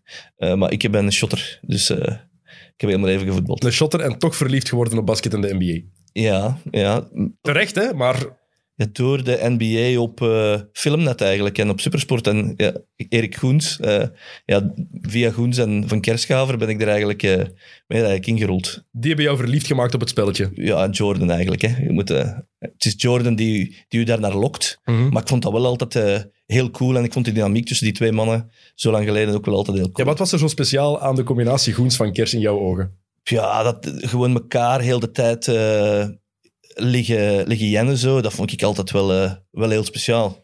Ik denk dat het Jenne van Goens bewust was, maar andersom van Kers Nee, onbewust. heel, heel onbewust. Ja, die wist het gewoon beter. Hè. En er dacht dat hij het beter ja, wist. eh, ja, maar als er één ding is waar Goens niet tegen kan, is als iemand het beter weet. Dus, eh, dus dat, dat, is eigenlijk, dat is eigenlijk de dynamiek. Dat is eigenlijk het antwoord op uw vraag. Oh, dat is heel mooi. Ik hoop dat hij luistert. Ja. Ik heb hem ooit, eh, maar hij weet dat denk ik, ik heb hem ooit eens een cassette, een VHS-cassette met vier uur porno eh, opgestuurd. Eh, dat is heel grappig, maar ik wou het All-Star Game opnemen. En toen met Filmnet vroeger, dan programmeerde je een video, maar dan moest je eigenlijk het Filmnet kasken, hè, dat was een soort prehistorische decoder, op de juiste eh, posten bestaan. Eh, en ik had dat op eh, de verkeerde Filmnet-kanaal staan en ik stond 's morgens op en ik druk op play en ik heb vier uur porno in plaats van een All-Star Game. en dus toen heb ik die video opgestuurd naar, naar Goens, eh, toen bij Filmnet, en ik heb denk ik een tape met de All-Star Game teruggekregen. Echt? Ja, en een t-shirt van, At the, en een t-shirt van At the Buzzer. Kijk. Zo. Dat was toen een, een NBA-magazine. George Arundel. Voilà. Ja. Oh ja, fuck. Wauw. Ik moet ook wel zeggen, want vaak was het ook voor een NBA-match of erna porno. Op, eh, op Supersport of Filmnet. En jij programmeerde voor Express eh, langer en vroeger. Nee, totaal. Ik was, als je acht of negen jaar bent, denk je daar niet over na. Dan denk je zo nog niet na. Ik weet wel dat, het, dat ik redelijk gechoqueerd was toen ik voor de eerste keer een redelijk harde close-up zag van een bepaalde penetratie. Ja. En het was niet de penetratie Ja, op het basketveld. Die voelde ik wel komen. Dat is wel goed gedaan. maar het was echt redelijk gechoqueerd. Als je tien jaar bent, verwacht je dat niet te zien. Oké, dat is waar. Ja. Ik Ja, ik stond op en ik had eh, vier uur... eh, ah, misschien geen vier uur, want zo lang duren die films niet, maar enfin, ik, had, ik, had, ik had porno in plaats van basketbal. Tony van den Bos kan daar ook nog heel mooie dingen over vertellen. Die liet soms expres op het... eh, je hebt twee grote schermen daar staan, of twee schermen staan in de commentaarscabine. En op een van de schermen liet hij dan, vroeg hij om porno te zetten. Zodat hij dan om te lachen commentaar kon geven op die pornobeelden. Ja, gaat erin en eruit. Ja. Tony heeft wel meer grappige verhalen. eh. Tony heeft veel verhalen. ja. Die mag binnenkort ook nog eens naar hier komen. Dat is altijd geweldig eigenlijk Ja. om bezig te worden. Ik heb, één, ik heb Tony wil ik sowieso hier hebben om over zijn carrière te praten, maar ik heb één naam die ik hier volgend jaar zeker moet krijgen. Willy Steveniers. De keizer moet hier komen vertellen, want ze hebben hier al voor Mid-Mid zo gezegd een keizer gehad. Wouter Franke. Ja, sorry, er is maar één keizer in, in België en dat is Willy Steveniers. De echte keizer. Ja, Rick van Looy zeggen ze ook. Hè. Van Looy, inderdaad. Maar dat is, ja, kijk, maar de keizer, dat, is, dat blijft, voor mij, blijft voor mij de Willy. Ehm Goens en Van Kers, is dat voor jou dezelfde orde als Wuits de Kouwer? Goh, dat is wel een eh, moeilijke vraag. weet het. eh. Eh, dat is, dat is, goed gedaan. Maar ik vind dat wel... Ik vind dat wel allee, maar dat gaat, gaat over heel andere dingen. ehm, veel minder breed. Maar ik vind dat wel geen slechte vergelijking. Ik vind dat wel geen slechte vergelijking. Het is wat Goens en Van Kers deden, is gemakkelijker dan wat Wuits en de Kouwer deden. Ja, daar staan doen. toch minder, minder die spotlights op, op, op Michel en op José. Dat is acht uur lang, hè? Dat is, ja, dat is acht uur lang en dat is ook allee, het ons eh, eh, zo'n drie weken lang, maar bijvoorbeeld ook zo'n ronde van Vlaanderen. Ja, ik denk niet dat die mannen daaraan, ik weet zeker dat die mannen daar niet aan denken, maar er zit wel op, als die naar Riveder is, eh, een miljoen vierhonderdduizend mensen naar te kijken. Of, dus dat is, dat is wel, die, die spotlights, dat voelen ze wel. Dat, dat weet ik wel ook wel heel zeker, dat ze dat wel voelen. En dat je dus daar op een bepaalde manier toch, eh, toch mee bezig moet zijn. Absoluut. En je zei het al, je hebt thuis een eh basketster rondlopen. Ja. Goeie genen. Ja. Goeie, Ja, goeie. Je mag ja zeggen, Pieter. Ja, ze is, ze is nog goed ook, hè? Ja, ze speelt eh, bij de Limburg Lizards. Ik weet niet of je dat kent. eh, dat is een jeugdproject eh, bij ons in, eh, in Limburg. Ik ben Mm. op de grens van Limburg en, eh, en Brabant. Ehm, dus eh, ja, ze speelt daar, ze speelt daar nu twee jaar eh, op niveau 1 bij de, bij de meisjes. Dus dat is, ik weet niet hoe cool. Om, En daardoor nog meer into basket moeten geraken. ja, en heel het land rondrijden en om eh, te, gaan, te gaan basketten in, in Waregem en in Wilsbeek en zo. Heb je dat gepusht eigenlijk? Of is dat vanzelf nee, gekomen, nee, die nee. liefde voor basketbal? Nee, ik denk, maar, ah, ik denk dat mijn vrouw haar wel zo wat op de basket gaan afzetten is. Eh, dat, is dat is wel zo. En, Subtiel pushen heet dat. ja, en ze was ook al van jongens af aan niet klein. Eh, maar dan is die daar wel heel hard door gebeten eh, geraakt. En natuurlijk, we kijken thuis veel basket, Mhm. maar we kijken ook veel voetbal. En mijn zoon die shot ook. En we kijken, dat, dat zal daar wel ook wel wat, wat, wat aan bijdragen. Maar eh, veel gepusht wordt er, wordt er toch niet, hoop ik. Bij de zoon is het niet gelukt. Jawel, basket. Ja, basket, ja. ja, ja. Nee, basket niet, maar die kijkt wel mee. Maar die is heel hard into de Premier League en Fantasy Premier League en al die dingen. Dus eh, jij doet aan Fantasy NBA, zei je daar straks. ja, Ik heb daar echt, voor de mensen die dat doen, want ik weet dat er sommige van onze luisteraars en kijkers dat ook doen, daar kruipt zoveel tijd in. Echt. ja, ik heb maar zoveel tijd in als je erin wilt steken. Hè. Ja, Dus, dat is waar. ik heb mijn Premier League Fantasy ploeg al sinds week 4 niet meer aangepast, bijvoorbeeld. ja, ik doe dat, dat is een beetje mijn ochtendmoment bij een tas koffie. Is eh, niet alleen radio luisteren en, eh, en kijken wat en, en kranten en websites checken, maar is toch ook dat van eens te kijken wat is er eh, vannacht gebeurd en snel een paar aanpassingen te doen. Mhm. Maar ik doe dat wel nog maar één jaar of zo. hè. Het is nu- Oké. Wilt je, wilt je verklappen wie dat er in uw team zit? Ja, ik ben eigenlijk heel hard ehm, gekloot door, door eh, de draft. Want ik was zo in het midden van, van de league. Dus ik kon nooit als eerste pikken. Ah, Dus ja. ik heb echt een soort eh, B-ploeg rond, eh, rond Bradley Beal en Russell Westbrook. Oei. Maar pas op, Tellen turnovers mee? ja, turnovers tellen, tellen af. Maar langs de andere kant, Russ, dat is altijd wel een volle statsline. Dat is waar. Hè? Bijna altijd. En ik heb ook, en ik heb dan wel Anthony Edwards gekozen. Eh, zo al, allemaal dat soort Ook wel spelers. turnover al- maar speler. allemaal maar- dat soort spelers eh, eh, genomen. Dus. En dan ben ik wel eh, geholpen door Grayson Allen bijvoorbeeld, door dat vroeg te pakken. Ehm, zijn er wel een aantal dingen ge- En met hoeveel, half goed gegaan. en met hoeveel zitten jullie in de league? Ik denk 16 of zo. Ah, maar kijk, dat is goed. Ik had de laatste keer dat ik mee heb gedaan, waren wij in een league met zes. En dat is gewoon niet plezant, want heeft iedereen allemaal topspelers. Ja. Dat, is echt, dat was echt niet tof. Ehm, kijk, hoe lang zijn we bezig, Jokke? Eh, een kleine drie kwartier. Kleine drie kwartier. Ik ga nu de klassieke vraag stellen die ik aan elke gast stel die voor het eerst komt. Dus kijk, zo mooi. Het zegt, goed, het zegt genoeg over hoe goed het gaat. Ehm, wat is de eerste NBA-wedstrijd die jij ooit gezien hebt? Weet je dat nog? Het zijn klassieke vragen. Ik moet die stellen aan iedereen die over NBA komt praten. Dat weet ik niet, Dennis. Nee? Weet je de eerste die je ter plaatse ooit hebt gezien? Dat weet... Nee, ik ben... Ik heb nog... Nee. Nog nooit. Nee. nog nooit. Dat, dat mag hier niet zeker. eh. Dat mag, ze- dat mag zeker. Dat is gewoon een gemis in je leven. Nee. En hoe- eh, eh, ja, ik mag weg. Bedankt. hè. Ik heb ook nog Je- nooit, eh, Je wist dat ik door de mand ging vallen, hè, Kerkhoffs? Jij hebt nog nooit chokken. Nee. Echt? Maar Dat is geld, hè? Ja, ik weet het. Ja, ja. Ja, het is het inderdaad waard. Ik ging, Zelfs Sam is al naar, NBA, naar de NBA Finals match gaan zien. ik Sam ging is eigenlijk baas. nu eh niks Raptors gedaan hebben in, eh, in Ah, ja? november. En begin- 1 november. Maar toen eh, was, eh, was Amerika nog dicht. En, eh, Er is een kleine pandemie aan de gang. eh, voilà. Heerlijk. Vre- is vreselijk. Ja, het is, eh, Ja, de pandemie is vreselijk, maar ook het feit dat je niet bent de kunnen... pandemie is redelijk vreselijk. Vreselijk, redelijk Laten we dat afspreken. Of zoals Sam, eh, de jongen zou zeggen, ehm relativie vreselijk. Heb je dat niet gehoord? Dus het ging hier over de, de, de paddock. Het was zelfs in de opname, denk ik, op Play Sports. En Latifi was gecrashed, waardoor dat, eh de laatste ronde... Ja. Ja, dat was eh relatief belangrijk. Ja. Kijk, Ja.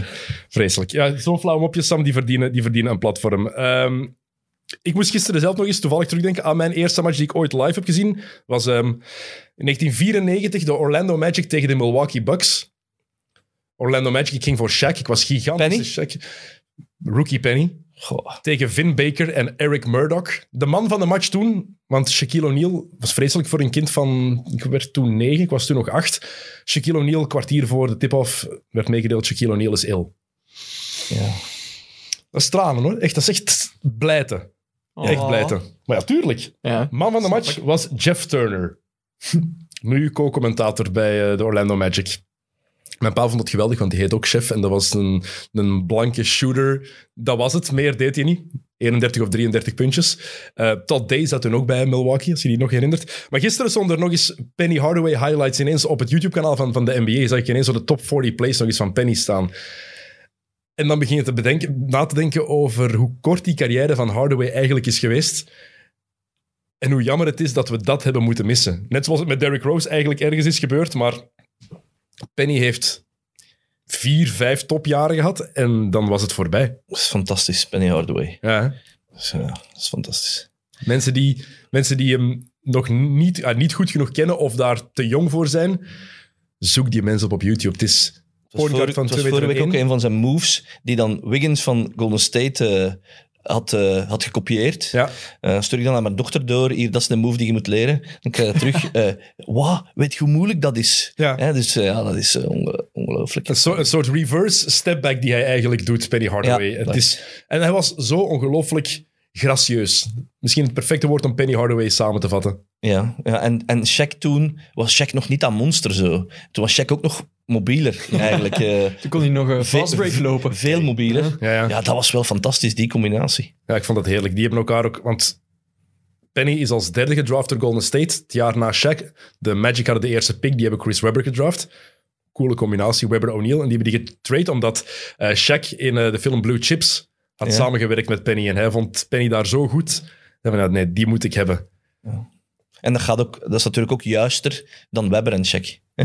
Waarschijnlijk. Ja, absoluut. Dus, Maar Shaq heeft eigenlijk, als je kijkt met wie hij samengespeeld heeft, heeft hij in zijn, in zijn prime, want bij LeBron was het al wasted Shaq, ehm, heeft met drie toppers samengespeeld. Hè? Penny, is de jonge Penny, toen hij nog fit was, Kobe en wait. en Wade. Ja. Kijk, Shaq is voor mij een top 10 speler aller tijden, maar als je kijkt met wie die heeft samengespeeld, dat is toch abnormaal. ja, dat is waar. Ja, ja Penny. Ik vind dat, dat is een van de mo- mooiste what-ifs in de NBA. Penny, Derrick Rose, Bill Walton, Grant Hill, Brandon Roy. Brandon Roy. Hey, ik was, waar. Brandon Roy komt voor mij in het Penny Hardaway lijstje, Hardaway lijstje van, van mooie spelers die ik... Wat het kunnen zijn had. Ja. Nu, op Pennywise, dat is ook nog wel iets geweest. Hè? Net zoals Derrick Rose ook nog wel iets geweest is. Hè? Ja, dat is Penny gewoon iets langer. Ja. Nog. Oh, Penny eh, ook eh, heel hard uitgespeeld in marketingcampagnes. Ik herinner me zo'n stripfiguur, stripfiguur Nee, Penny. Een ventje. Een ventje. Lil Penny. Ja, Little Penny. Ingesproken door Chris Rock. Ja, Chris Rock, juist. Dat, dat waren heel populair. Die was super populair, Penny. Ja. En nu is hij headcoach van de Universiteit van Memphis. Ja, Dus die zou, met wel, Wiseman vorig jaar. ja, hè? die zou wel een stap maken, willen maken naar de NBA. Ja, Nieuwe headcoach van de, nieuwe headcoach van de, van de Magic. dat zou wel cool zijn. Dat zou heel cool zijn. Dat zou wel cool zijn. Dat zou heel cool zijn. Ehm, Net zoals ik Steve Nash ook wel cool vind. ja, Ja, ik vind het wel cool. Ik, ik weet soms niet In het begin vond ik dat heel raar. Ik heb echt moeten aan wennen van, van hem in die rol te zien. Iemand die zo ver, die zich zo... Ja, een backbencher was eigenlijk, hè, ehm, in, in die Golden State staf, die dan zo op de voorgrond kwam. Maar ondertussen vind ik dat wel cool. Ik denk ook dat het een hele goede coach is om mee samen te werken. Omdat het is een- iedereen die ermee samen gewerkt heeft als ploegmaat zegt het is een van de beste ploegmaats die ik ooit gehad heb. Het was ook iemand die letterlijk aan zijn ploeg heeft gezegd toen hij bij Phoenix zat, denk ik, oké, we moeten nu per match minstens 50 high fives geven als ploeg. En die liet dat bijhouden, omdat dat de ploegsfeer bevorderde. Dat zie je niet is zo wel vaak. nogal artificieel, vind ik. Maar Ik weet, maar als het een gewoon... In het begin is het artificieel. Maar als je, dat, als je 80 matchen op een jaar speelt, of 82 matchen, na een tijd wordt dat een gewoonte. Hè? En dan ja, kruipt dat dan erin. moet je ze niet meer tellen. Hè, maar ze tellen vind ik wel, vind ik wel een beetje raar. Maar ja. Wat wordt er niet geteld? in de NBA alles. Ah, kijk, daarom. daarom. Ehm, ik ga een tijltje doen. Ik moet ineens naar de wc, dus ik ga Ah, een moet tijltje doen. Maar, doen. maar het is best... Kijk, het is erover nagedacht. Sam mag even hier komen zitten en die mag uitleggen... Ja, jij mag even hier komen zitten en uitleggen hoe je het gaat aanpakken met jouw eh, eh, prijs die je gaat weggeven. Eh, ja, Juist. Kijk. Ja. we, dit gaan we wel moeten knippen, want Nee, het is gewoon een naam zeggen. Hè. Ja, maar je mag zeggen wat je gaat geven. ook. Ja. Ik zal de uitleg nog eens geven. Dus we hebben, eh, we hebben vorige aflevering. Ik weet niet meer hoe dat we erop kwamen, maar we kwamen opeens bij de Alcohol. Bij de alcohol. Ja. Bij de truitjes van Arsenal, de nieuwe retro truitjes. Eh, Training. Is, Ja, de jacket. ja, jacket. Juist. Ehm, en- Ik heb naar u doorgestuurd, hè, ondertussen. Maar we vermoeden fraude. Ah, Ja, vanuit de eigen organisatie. welke organisatie? Onze organisatie. Onze organisatie. Friends of Sports, Sporthouse Group en Play Sports Social. Er gaat gefraudeerd gefraudeerd zijn. Het kan niet anders. Ah, oké. Dus de mensen moesten onder de YouTube-video op Play Sports bij Hans van Aken zo snel mogelijk Tom Soetaars reageren. En dat is gereageerd nog voor hij online kwam. dat kan niet, hè? Jawel, het is gebeurd. Dus eh, iemand van onze Ja, redactie moet die link hebben doorgestuurd. Dus de mensen die dat gedaan hebben, hebben we gewoon geweldig lieve gast trouwens, Tom Soetaars. Ah, wel, ik wil hem ook oprecht graag eens in mid-mid zetten. Voilà. Maar ik mag mid-mid niet meer te veel zeggen. hè. Dat mag niet heel, niet, heel- niet heel de tijd. Hè. 90 minutes. Na- 90 Minutes, dat was de, de grote eh mid-mid-plug aflevering. eh, is er eens een paar weken geleden. Ah, toen, toen, de, Maar- toen Evert erbij zat. Maar niet onze fout, hè? Nee, nee, nee. nee, nee, En, dat- en dat mag ook wel, hè, want wij zitten, daar, wij zitten daar samen in en we doen dat samen met veel Zwaar. plezier. Zwaar. Maar het quotum voor de rest van het jaar, of zoals je zelf zei, voor de volgende twee seizoenen, dat is nu bereikt Voilà. dan. Kunnen we dat En dan, af, in kunnen we dat dan over 90 afspreken? hebben, Ja, kunnen we dat dan We afspreken? hebben dat afgesproken. Oké, top. Voilà. 90 Minutes staat op dit moment nummer 2 in de ranking van meest beluisterde podcast in heel België. Alle categorieën. Maar het is ook fijn, hè? Het is echt... Eh, eh, ja, vond de laatste wat minder, maar ja oké, maar... ups en downs. Maar goed, de winnaar, want ja, De- deze is gaat ook, vol deze gaat ook minder zijn dan de vorige eh, XNO's. Dus je kunt... eh. Als we hier een snippet van maken dat Dennis er even weg is, dan weer niet. Maar we gaan, we gaan hier geen snippet van maken, hè, want Nee, we moeten weer luisteren naar XNO's om te ontdekken. het is nog altijd bezig, hè, Dennis? Pieter Jan, de spiegeleer. Proficiat, jij was de eerste die, als de video echt online is gekomen, gereageerd heeft met Tom Soetaars. En ook Tom Soetaars, ik weet dat je zult luisteren, want online is uw naam honderd keer gementiond per minuut de afgelopen week. Dus eh, kom naar met bid. Zou die al trending zijn op Twitter of zo? Eh, ik ben klaar. Voilà. Ik was beneden. ik weet nu wel niet meer welke van mij was. Ik het minste in, zeker? Dan ga je daar een bal, hè? We zijn allemaal, we zijn allemaal getest, hè, Sam. Ja, ja, daar gaat het niet over. Kijk, dat is ook niet de eerste keer dat, je, dat ik zelf heb moeten weggaan. Nee, de tweede keer. Ja, inderdaad. Vorige keer was, waren we drie uur aan het opnemen. Het spijt me, Pieter. Dat is niet erg. Maar kijk, zo heb je ook eens eh, het mid-mid gevoel gehad. Ja, voilà. Dat mocht niet meer. Je weet het niet, hè? Hoe, dat Je- mocht niet je meer? Weet, het is niet erg, doe gewoon voor. het is niet erg, het is al goed geweest. Moet ik die awards nog omdraaien achter mij? Eh, blap, staan. Maar moet ik toch, ik weet niet of vier op zijn. Zeg jij die ze omdraait, heb ik gezien. Ja, maar waarom zou ik daar vier op zijn? Zijn niet van mij, hè? Ja, maar er zit toch één groep, Sam? Man, nee, niks van. Eh, we waren... Sam, Sam, ah, dan. Sam tegen. Voilà. Er zit toch één groep, Dennis? Je- Nee, oh, pak je. Je zit toch één groep? Je Eh, zit toch één- Wij waren blijkbaar concurrenten. Hey, Friends of Sport. Ja. Die avond... Jokke, had jij, had jij het gevoel die avond dat wij vrienden waren? Nee. Kijk. Heb je, Ja, ja, dan op die, je hebt op, die, op, die, op dat gala niet met elkaar gesproken? Jawel, we hebben veel met elkaar gesproken. Maar, ja, alles verliezen is niet tof, hè? Alles, hè? Ik ondersteun mee het Friends of Sports project. Ik weet het. Ja. Oké, terug naar XNO's.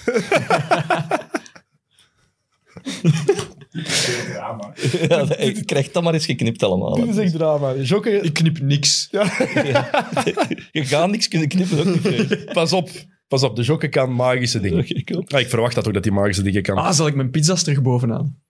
Oh man, dat was echt... Dat was, dat was nu eens echt schoon. Heb je dat gezien? Die wipe zo, ik heb het gezien. Wauw. Dat Ik was- moest kijken, want het is de... ah, ik zou sowieso ook kijken, Ah. maar het is de ik wist, ja, het is de vorige aflevering, die moet ik kijken. Ah, ja, ja. Maar dan moest ik, ik wist niet dat ik niet twee uur en een half ging moeten kijken. Maar, Ik vraag me echt af of dat klein broertje van mij gaat luisteren nu. Nee, hè? echt. Die heeft nog nooit een aflevering van X&O's beluisterd, denk ik. Dat is Ja, toch een schandaal? die heeft u waarschijnlijk al genoeg over basket horen babbelen. Ja, maar kom, als, hij, als je er zelf als gast dan vast inkomt, elke maand ene keer, mag je wel luisteren ook, hè? Ja, dat is waar. Echt. Die mens, dat is een schandaal. Ik zie hem doodgraag, maar het is, het is, het is, een, het is een schandaal. Problemen in uw familie, problemen met uw eh, collega's hier op het werk, eh, Dennis. Allee, Maar ik zie ze allemaal, maar ik zie ze allemaal graag. Ah, voilà, dat is goed. het ligt niet aan u. Heb ik, heb ik dan gezegd dat het niet aan mij ligt? Nee. Ja, misschien is dat net de reden dat Niels niet wil luisteren, inderdaad. Die is mij gewoon al kotsbeu. Ja, voilà. Wat ik helemaal zou begrijpen. Ehm, Met uw knappe trui. hey, ik heb die nog altijd aan. Hè. Het is Ja. echt warm. Hè. Ik doe het puur voor... Ik weet eigenlijk niet waarom ik het doe. Maar kijk, Kerst. kerst. Over een week is het kerst, maar ik heb die nog altijd aan. Ehm, we hebben het al over het record van Curry gehad, daar straks. Ehm meeste driepunters aller tijden. Curry heeft de NBA veranderd. Shotselectie. Bestaat het eigenlijk nog in de NBA? Want als we kijken naar de Belgische competitie of de, Bel- de B-Next League, Europese competities, daar is dat wel nog effectief meer oldschool. Een Ja. goed shot heeft daar meer waarde. In de NBA is dat voor een heel groot deel toch gewoon verdwenen. ja, hangt heel hard van die individuele speler, eh, individuele speler af eh, in de NBA. Elk, elk shot van Durant is een goed shot. Eh, dus dat vind ik eigenlijk... Ook als je ziet hoe al bij al zoveel driepunters shot Durant ook niet. Dus eh, elk, elk shot wat hij wat hij neemt, wat hij zoekt, is bijna een goed shot. En dat, dat geldt voor, voor veel van die, van die toppers, denk ik. Maar de, de veel van de toppers die hebben wel nog een midrange shot. Echt, dat zie je. Dat Ah, valt ja. echt al. echt en dat komt terug, hè? Maar alleen de toppers. Ja, dat is waar. Want de roleplayers die pakken wel de driepunters, die staan op hun plaats. Of die. Want Die, doen niet je- mee. Die, die, doen niet, allee, die spelen defense en die staan waar ze moeten staan. Of die pakken een driepunter, of voor- die gaan voor een layup. Die met een goede, goede, goede Ja. cut weg van de bal of zo. Maar voor de rest zijn het bijna alleen maar de sterspelers van elke ploeg die echt hun midrange jumpers hebben. Ja, maar, maar die ook wel nog echt goed durven uitspelen. Hè? Ja. En vaak durven uitspelen. Curry ook, hè? Maar Ook- is het vaak eens, want vaak zie je Curry ook shots pakken. Waar denk ik het haar van heel wat oldschool coaches, en nee, zelfs gewoon coaches, new school coaches, van rechtop zou staan. Dat het eigenlijk een vreselijk shot is. Maar het maakt niet Maar uit. dat zijn speciaal mensen, hè? Ja. Ja. Dat zijn speciaal mensen. Dus ik- Als je dat eerste shot ziet in MSG dat erin gaat, dan zou ik ook denken als coach van, doe dat Maar, niet. dat is, ook- maar soms zie je Shea Gilgis Alexander bijvoorbeeld. Ik zie die heel graag spelen, maar ik word soms ook knettergek van de shots die hij pakt. Dan loopt hij over de middenlijn en staat hij aan het logo en dan... maar ik denk dat die coaches daar ook knettergek van worden. Maar je kunt als coach van OKC toch niet allee, op uw enige, eh uw enige absolute topper eh, zijn, zijn kap zitten de hele tijd. Ik denk dat dat ook wel een rol speelt. En hoe spelers zich voelen in die league. En hoe die, hoe die, die macht Mhm. van, die, van die speler daar ook heel groot geworden is. En heel, heel veel onafhankelijkheid eh eh, in zit. Ik denk dat dat, dat dat ook wel ergens een, een rol speelt die dan niet basketbaltechnisch of tactisch is, maar gewoon ook met een tijdsgeest en met eh, de manier waarop die league in elkaar zit te maken heeft. Neemt dat iets weg van het kijkplezier voor jou soms? Nee, nee, nee, eigenlijk niet. Ehm, kijkplezier is voor mij ook, is misschien... Ik ben... Ik, ik heb ook altijd graag Eastern Conference gezien. Dat is heel raar, misschien. Maar ook omdat dat niet... Dat is niet zo driepunter gedreven. Ik vind het allemaal fantastisch, hè. Ik vind het is ongelooflijk hoe er driepunters geschot worden. Maar ik hou wel van, van het inside-spel ook. En van, van, van de variatie in het spel. Ehm, en en van, van, eh, niet, zo, niet van al die... ehm, ja, ge, voorge, voorgekoude dingen. En dat vind ik wel, dat vind ik wel tof. Maar ik kan er soms wel van vloeken, moet ik zeggen. Als ik aan het kijken ben, en zeker als er shots, als er shots vallen, dan kan je zeggen, niks zeggen. Want dan is het heerlijk om te zien. Maar je hebt dan die momenten dat beide ploegen, maakt niet uit ook wie, zelfs topspelers, dat die de ene bom na de andere pakken, dat je van denkt van, speelt nu eens een deftige aanval. Laat die bal nu eens even rondgaan. Speel mooi basketbal. Ik wil niet meteen... Maar er zijn heel veel slechte matches in de NBA. hè. Je Ja. kunt heel veel slechte matches zien. hè. Nou, dit seizoen zeker. Ja, je kunt heel veel slechte matches zien. Ja, ik denk dat je, als je elke avond één goede match hebt, heb je geluk. Ik, ik kijk nog altijd veel, ik hou ervan. Maar er is gewoon heel veel afval. Spijtig genoeg. Zelfs bij spannende matchen. Ja, dat is waar. En ik vraag me af of dat ook niet voor een deel komt door de shots die er soms te veel gepakt worden. Ik weet het, het is analytics, het hoort erbij. Iedereen doet het, het is de normaalste zaak van de wereld. Je haalt er geen voordeel mee. Of bijna geen voordeel meer mee, omdat iedereen weet hoe het werkt. Ja, maar je kunt er wel, eh, je kunt wel ontregelen, precies door die toppers die terug die midrange, die midrange zoeken. Dat vind ik wel, bijvoorbeeld tof, wel tof om te zien. Maar is dat ooit weg geweest eigenlijk bij de toppers? Devin Booker heeft het altijd gehad, Chris Paul heeft het altijd gehad, DeMar DeRozan, Kevin Durant. Al die mannen hebben dat altijd wel in hun spel Ja, gehad. maar die mannen komen er nu wel echt ook uit. Zo'n DeRozan, hoe die er nu uitkomt, dat heeft daar wel voor een stuk mee te maken, denk ik. Mhm. Ehm, Boeker is wel al, altijd zo geweest. Ja, hij heeft dat altijd in zijn arsenaal Ja. gehad, maar heeft het gewoon nog extra ontwikkeld. Zo'n geweldige driepuntshotter is dat ook niet, hè, Boeker? Nee. Hè? Nee, als je naar zijn percentages Percentages kijkt, dat is niet fenomenaal. hè? Nee, dat is teleurstellend. Je, je, je, denkt de, je denkt dat het beter is.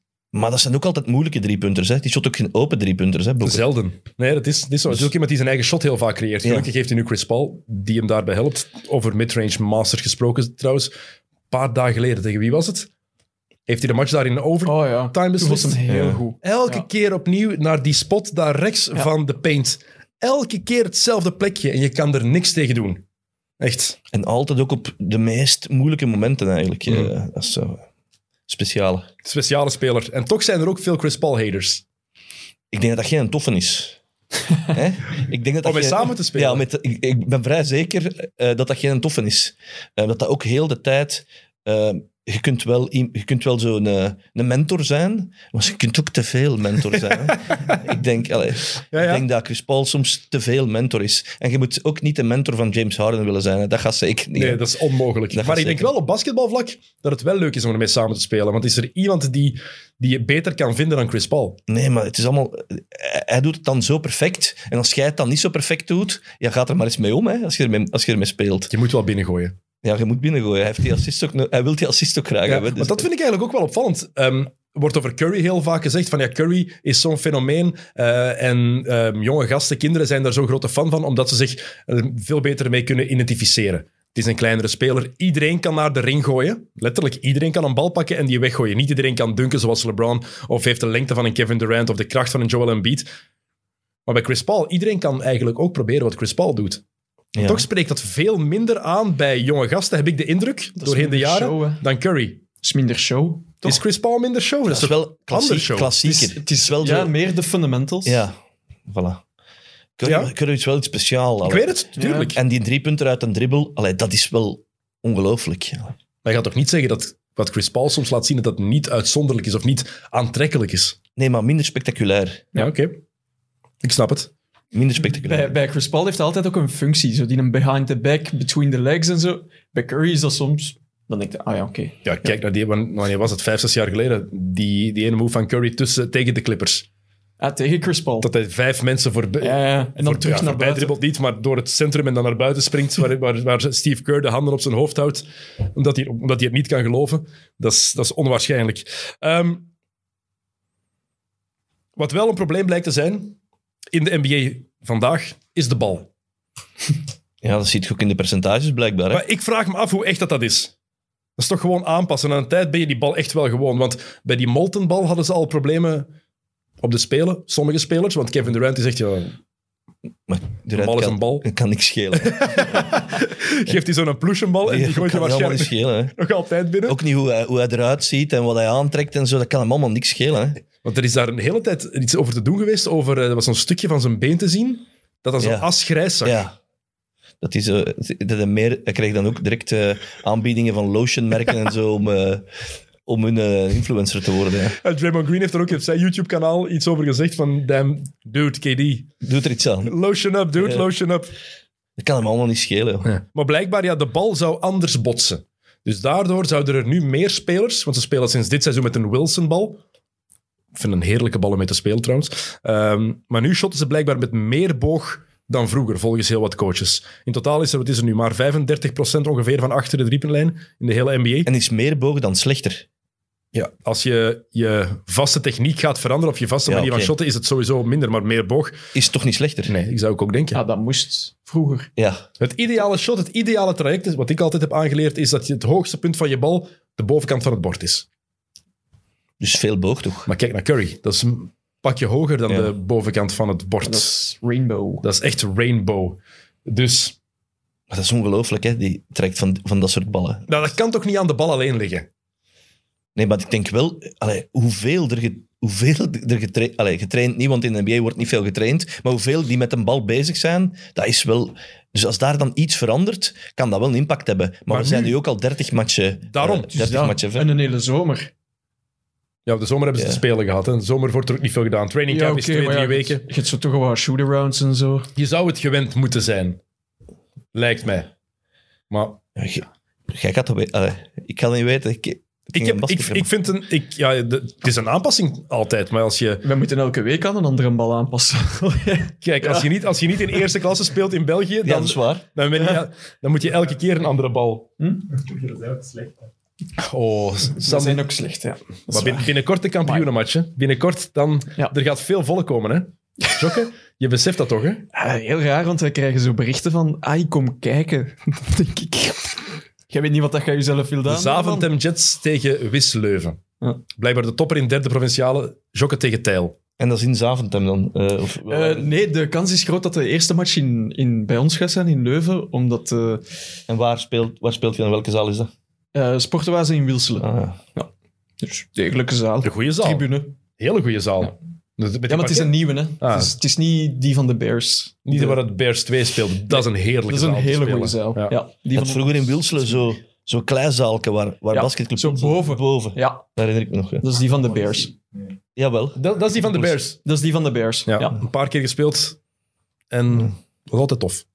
Daar staat de tribune zo heel dicht Ja. tegen het eh, terrein. Ja, dat is een beetje zoals de, de tent in Merksem. Ik weet niet of iemand daar al ooit geweest is. Dat is een, was een legendarische zaal waar dat Giants 2 vroeger speelde. En Ticino back in the day. En dat is ook, daar stond de tribune ook heel dicht bij het veld. Dat was altijd iets heel magisch. Wilselen was stofzaken. Een goede parket. En goede douches.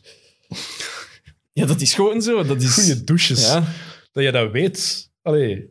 Ja, maar ja, ik heb daar vroeger heel veel gespeeld. Ja, oké. maar dan nog. Ik kan me de douches van mijn club waar ik 15 jaar gespeeld heb amper herinneren. Nee? Behalve in het begin. Toen moesten wij, dat was op een lagere school, dan moesten wij oversteken. En dan moesten wij gaan douchen bij... Ja, dat was in een soort bibliotheek eigenlijk. En er waren twee douches, letterlijk twee per club. Dus Met zo'n draad waar dat gaan moet trekken. dat gelukkig niet. Dat was in Tiene. In tien, nooit Ja. gespeeld. Ik heb wel eens een ploegmaat gehad... Die, Houtenveld. Het Houtenveld. Ja, Juist. ik heb wel eens een ploegmaat gehad die aan zo'n draad is gaan hangen. dat is niet zo slim. Nee, dat is in chaos geëindigd voor die gast ook. Ehm, terug NBA, terug NBA want wauw, waar gaan we naartoe? Ehm, de Podcasten. Absoluut, ja, ja, absoluut. Ik was gewoon even aan het denken. Ehm, Draymond Green, we we het toch over de Golden State Warriors hebben, heeft zichzelf nog eens uitgeroepen tot beste verdediger aller tijden. Is dat Scottie Pippen stoeven of is dat terecht stoeven? Het is minder erg dan Scottie Pippens toeven. Want dat was wel echt heel erg. eh Scottie Pippens toeven was wel echt waanzinnig. waanzin- maar hij gaat wel boeken verkopen erdoor, maar het is Heel wel, veel. Heel veel, maar het is wel, het is wel waanzinnig. eh. De, de luisteraar of kijker heeft al aan mij foto's doorgestuurd van de eerste bladzijde. Had die boek net aangekregen. Eerste bladzijde. Bam, direct Michael Jordan nog eens aanvallen. Ja, dat is echt heel raar. Allee, dat is echt heel raar. Maar ik kan wel begrijpen dat dat frustrerend is voor Pippen, wat wel een, een topspeler is. Eh, maar, maar natuurlijk, die frustratie zo laten zien, eh, dat is... eh, maar wie is dan wel de eh, beste verdediger aller tijden? Eh, Scottie Pippen kan de beste verdediger aller tijden zijn. Dennis Rodman. Je hebt verschillende fases in Dennis Rodman zijn carrière. Ja. Ehm, ben Wallace, Kawhi, Kawhi, Kawhi Kawhi Leonard, vind ik echt ook wel... Gary Payton. Gary Payton. Ehm, moet je big guys vermelden? Rudy Gobert, Dikembe Mutombo, Ben Wallace. Ja. Ja, die horen mee in discussie. Ben Wallace, vier keer Defensive Player of the Year. Word je ook niet zomaar natuurlijk. Maar Draymond is wel top dit jaar, vind ik. Ik denk, er is niemand zo veelzijdig geweest ooit als Draymond. En ook hier, ook heel het aansturen van dat verdediging. Niet alleen zelf verdedigen, Ja. maar dat helemaal regelen. Ehm, dat is wel, eh, wel, wel fantastisch. En ook veel fouten van... ehm, defensieve fouten van die ploegmats oppikken en regelen. Dat is, dat is, ook, wel, dat is ook wel Draymond Green. is- En hij is nu zo fit dat, dat je dat echt terug heel, terug heel erg ziet eh, wat, wat er eigenlijk eh, in die topseizoenen van Golden State eh, was, vind ik hem nu ook wel terug heel scherp en heel, heel fit en zo uit die spelen gekomen. Ja, absoluut. Hij gaat ook meer naar de ring. ja, Hmm. ja. Hij is de ring meer aan het aanvallen terug. Ik, zo, belachelijk, maar toen ik ehm, de match zag tegen de Pacers eh, deze week, zag ik hem naar de ring gaan en dan dacht ik even aan LeBron. Allee, ik, weet- ik weet dat het daarover is, Nee, maar, wel zijn snelheid is, is... snelheid en Ja. sterk. Ehm, dus ja, Maar hij is heel veel weg in offense. Hij zet het zelf op vaak met zijn handoffs, met zijn ploegmaats te betrekken. Maar heel vaak, moet maar eens op letten, dat hij weg van de bal een baseline cut doet. Hij weet dat een bal gaat komen naar hem en nog voor hij die bal heeft, is hij al onderweg om dan van daaruit weer te verdelen. En dat is heel indrukwekkend vaak, eh, vaak om te zien. Maar defensief ook, als je gewoon naar een match kijkt, gaat Draymond Green je misschien niet opvallen. Kijk eens een volledig kwart als de Warriors verdedigen alleen naar, Draymond Green. Let daar eens op. Het is een beetje zoals in, het- in het voetbal bijvoorbeeld. Ik heb het een paar keer gedaan toen ik naar Liverpool mocht gaan voor, eh, voor het werk. Ehm, op Virgil van Dijk blijven letten. Hoe, hij- hoe hij de ploeg mee, mee stuurt, hoe hij er eigenlijk voor zorgt dat die ploeg van achteruit... ja dat je, Georganiseerd dat heb je is. met Draymond heel erg. Het is, dat is het straffen, hè, Ja. vind ik. En zijn communicatie. En ook, want ik denk dat Kawhi en Scottie Pippen de beste perimeterverdedigers aller tijden zijn. Onder de ring moet je Mutombo vermelden ergens. Hakim Olajuwon is eigenlijk de beste verdediger eh, als big man aller tijden. Onderschat wat die defensief allemaal gedaan heeft. We vergeten dat, dat gemakkelijk. Ehm, Rudy Gobert gaat in die, die discussie horen. Maar ik denk dat er niemand is die zo veelzijdig is als Draymond Green. Die zowel op de perimeter als inside letterlijk iedereen kan stoppen. Niemand kan 1 tot 5 verdedigen. Draymond Green wel. Ja, die kan dat. En dat maakt hem voor mij uniek. Nog unieker. Ja, het is vooral... Het is ook het hele, het hele eh, ding in zijn kop dat moet... eh, het, het zien, het zien voor het gebeurt. Het, eh, het meepakken van die jonge spelers ook. Als je Wiggins nu ziet verdedigen tegen vroeger.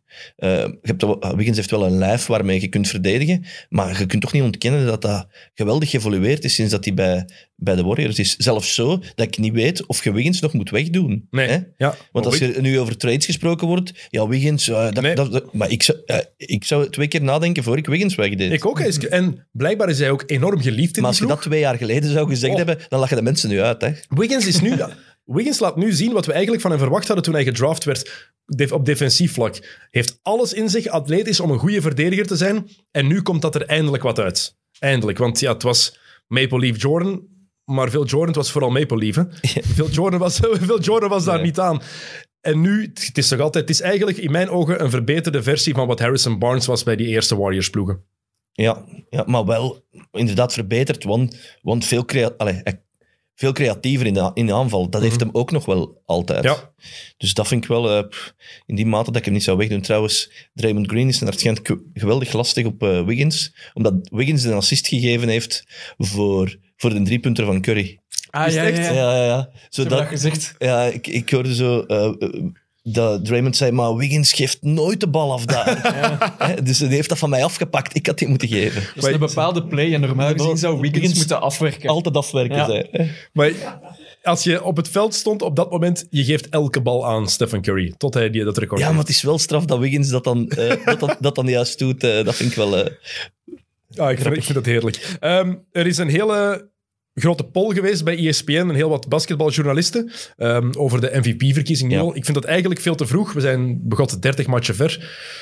Maar goed, op een derde van de, een derde van de competitie kan het ongeveer wel blijkbaar. Ehm, dit is ook, hè. Dus dat, zeggen, dat doen ze in Amerika ook altijd. Zeggen, het is veel te vroeg. en eigenlijk zijn we er te veel over bezig, maar we doen het wel. Maar, we ik, doen maar, ik vond het, maar ik vond het interessant, omdat ik, ik vond het interessant wie zij gekozen hebben. Daarom dat ik het wil aanhalen. Dus Curry staat op één voorlopig, KD op twee, Jan is op drie en Jokic staat op vier. En ik vind Jokic een van de grootste dilemma's dit seizoen, omdat hij individueel beter is dan wie dan ook. Wat hij doet, het verschil met hem op het veld is, en ernaast is 30 punten. Denk ik. Met hem erop is het plus 18, met hem eraf min 12. Ja. Of andersom, ik, heb het Hebben ze er nog vijf met hem eraf? Allee, dat is... eh, Net, er is weer iemand uitgevallen, hè? Er is weer iemand op het been van, eh, van een eh, Nuggets-speler. Ik weet niet meer op wie. Morris? Nee, het was niet Morris een been. Zwat, die ook weer oud is. Maar Jokic is een historisch seizoen aan het spelen. En we zetten hem op vier. Maar als je dat individueel bekijkt, zou hij eigenlijk hoger moeten staan. Omdat hij met een bijna team van nobodies aan het spelen is. Enkel Aaron Gordon haalt, heeft wat niveau. Of is goed genoeg. Maar toch kan je iemand in de MVP-conversatie hebben als die ploeg maar net op de achtste plaats staat bijvoorbeeld. Of wat zijn ze nu? Nee, dan heb je al zo'n Westbrook-verhaal nodig met een, een triple-double over het hele seizoen of zo, om dat soort dingen te, te kunnen doen, denk ik. Eh maar Jokic zit er maar ver vanaf van die triple-double, dat denk ik niet. Hè. Nee, en hij is effectief in elke advanced stat staat hij op kop. Alles. Ja. Maar, Letterlijk, elk ding leidt hij de NBA. maar zou, zou, zou jij hem boven eh Janis en boven Durant Nee, zetten? daarom. Want ik vind het heel Ja, want belangrijk. Curry had bijna alle stemmen. Hè. Curry was bijna voor iedereen nummer Ja. 1. Hè. Ja, ik vind...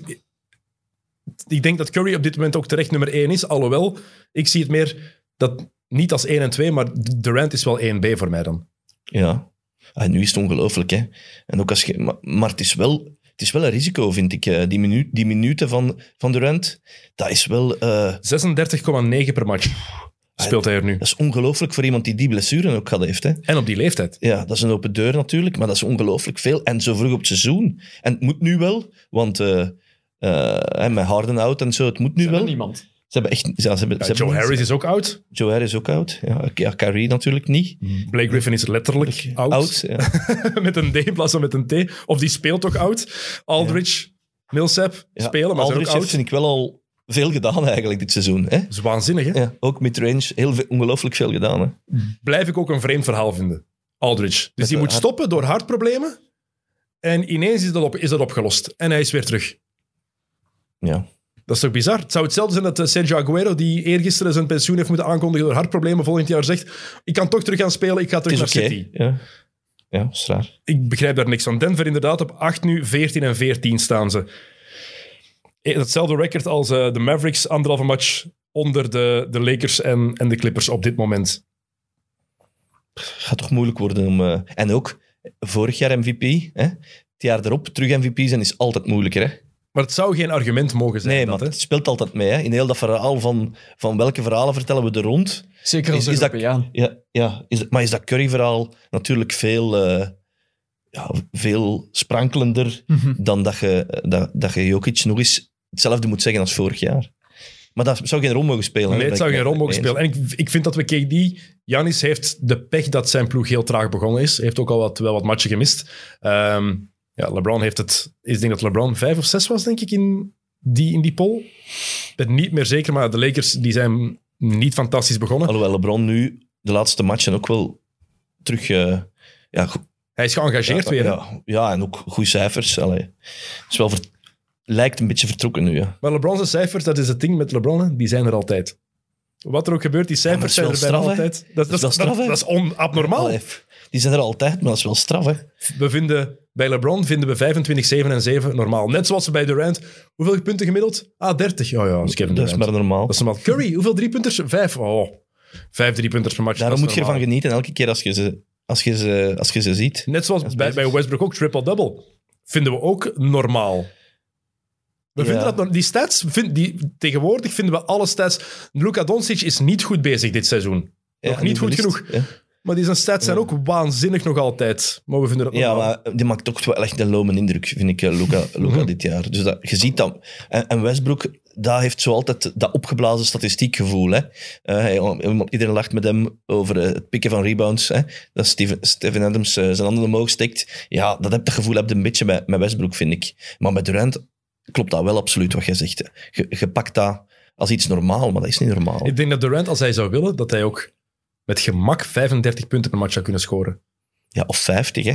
Als hem 48 minuten, als hem 48 minuten speelt, maakt hij maar 50, hè. Er is, ja, 50 punten per match moet je wel echt... Nee, nee, nee, ik bedoel niet gemiddeld. het is gebeurd Gemiddeld, ooit, hè? Ja, oké. Er heeft er ook ooit een 100, 100 Ah, punten de match met die. maar ja, 50 punten gemiddeld. Ja, nee, maar dat was ik niet aan het zeggen. Maar je moet, er, maar je moet je wel eens inbeelden. Als je één mindere match hebt, één keer 20, moet je de match erna 80 scoren. hè? Ja, ja. Maar dat, was, dat was ik niet aan het zeggen, maar ik bedoelde vorig jaar playoffs, 48 minuten spelen, Ja. eh, 50 punten. En ook nog een keer 14 rebounds of zo. En de Nets bijna eigenhandig voorbij Ja, de Bucks leiden. ja gewoon eh, zo'n stukje. Het scheelde echt niks.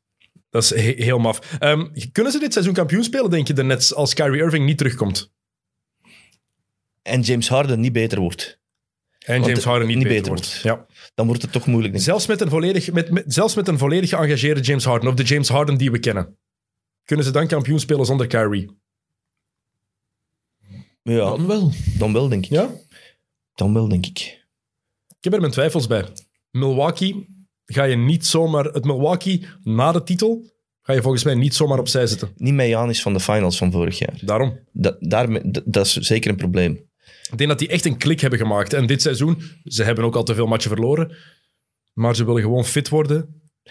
Maar je moet ook Middleton meetellen en zo in die finals, hè, vorig jaar. En Holiday, ja, als dat allemaal wat minder is... eh, maar ja, Kyrie, dat is natuurlijk een gigantisch probleem. Gaan ze die houden? Maar wie wil Kyrie overpakken?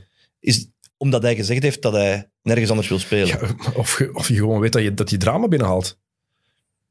Ja, Wanneer heeft Kyrie al bewezen dat hij betrouwbaar is? ja zelf, Niet, ja. hè? Heeft, is gedraft in De 2011. finals met Cleveland tegen de Warriors. Ja, maar dat jaar was het ook drama. Het jaar daarna was er ook genoeg drama, ook door Kyrie Irving. En dan na de finals 2017, die ze met 4-1 verliezen, terwijl ze eigenlijk een veel betere ploeg hadden dan mensen Ja. nu onthouden, dan waren wij ineens weg. Dan bij Boston, ehm I'll stay if, you, if you'll take me, if you want me. En hij wou toch niet blijven. En dan nu dit, hoe je er ook over nadenkt, hij is er niet voor zijn ploeg. Het is toch altijd iemand die, waar je niet 100% op kan rekenen. Ja, en toch mijn denk ogen. ik dat, dat Durant nog altijd wel oké is met hem. Blijkbaar hebben ze heel veel gesprekken tegenwoordig. Hij heeft ook zijn, een mysterieus filmpje gepost dat hij zijn nieuwe sneakers aandoet. De vraag is nu, is dat om aan te kondigen, ik kom terug? Of heeft hij gewoon een nieuwe Kyrie-shoe? Het zal het tweede zijn. Maar ik vraag me dat wel af of ze hem nodig hebben om de titel te winnen. Ik denk eigenlijk meer en meer van wel. het wordt wel moeilijk om heel, heel de playoffs en, en finals door te komen. Ook met, met Aldridge, met Millsap, met heel dat verhaal. Ja, Je, je hebt ook zeker Joe Harris nodig. Eh, Ze luisteren blijkbaar naar aanbiedingen hè, voor Joe Harris. Joe Harris en Nick Claxton. Claxton heb je volgens mij ook wel nodig. Ja. Dat is ook de enige met wie, met wie Harden zijn spel kan opbouwen. Is volgens mij Claxton. Dat kan met die andere mannen niet. Of niet meer. Harris en Claxton voor Miles Turner. Ja, Ik smijt maar iets. Ze gaan dat doen, de Pacers, denk ik. De Pacers, maar zou je dat doen als je de Nets bent? Nee. Nee? Nou, ik zou niet twijfelen. Je hebt defensief wel... Je hebt wel defense nodig. Je hebt defense en je krijgt de shooting extra bij. Ik zou het ook wel doen, denk ik. Het is een betere versie dan Aldridge. Een jongere. Jonger. En Joe Harris vorig jaar in de playoffs is serieus door het ijs gezakt. is geen referentie altijd, maar toch. Ja. Je onthoudt dat ergens altijd. Je verliest, wel, je verliest wel shot. Maar je hebt natuurlijk inderdaad je hebt een beste blokker van de NBA erbij. En je hebt Kate. Nu, dat is, ik weet ook niet of dat echt altijd zo relevant is, die cijfers. Nee. Maar eh, Maar bij hem, Bij hem. nee, maar bij hem wel. Als je kijkt naar de Pacers, je ziet zijn presence inside wel heel Ja. duidelijk aanwezig. zwaar. Vind ik toch. En We hadden trouwens van een van de brieven die we al hebben binnengekregen, eh, stond bij Dennis, stop met de Hawks te negeren. Ik wil het nog even aanhalen. We hebben het, we hebben het vorige week over de Hawks gehad, dus we negeren ze niet. Eh, maar oké, we zullen het nog even vermelden. Eh, de Hawks moeten beginnen verdedigen. Dringend. Want als dat niet gebeurt, het is zo'n ploeg die vorig jaar na de playoffs was iedereen vol van Atlanta. Ik zelf ook. Ik heb ze in de, op de vierde plek geplaatst, denk ik, in het oosten in mijn, eh, in mijn preview. Ik geloofde daar helemaal in.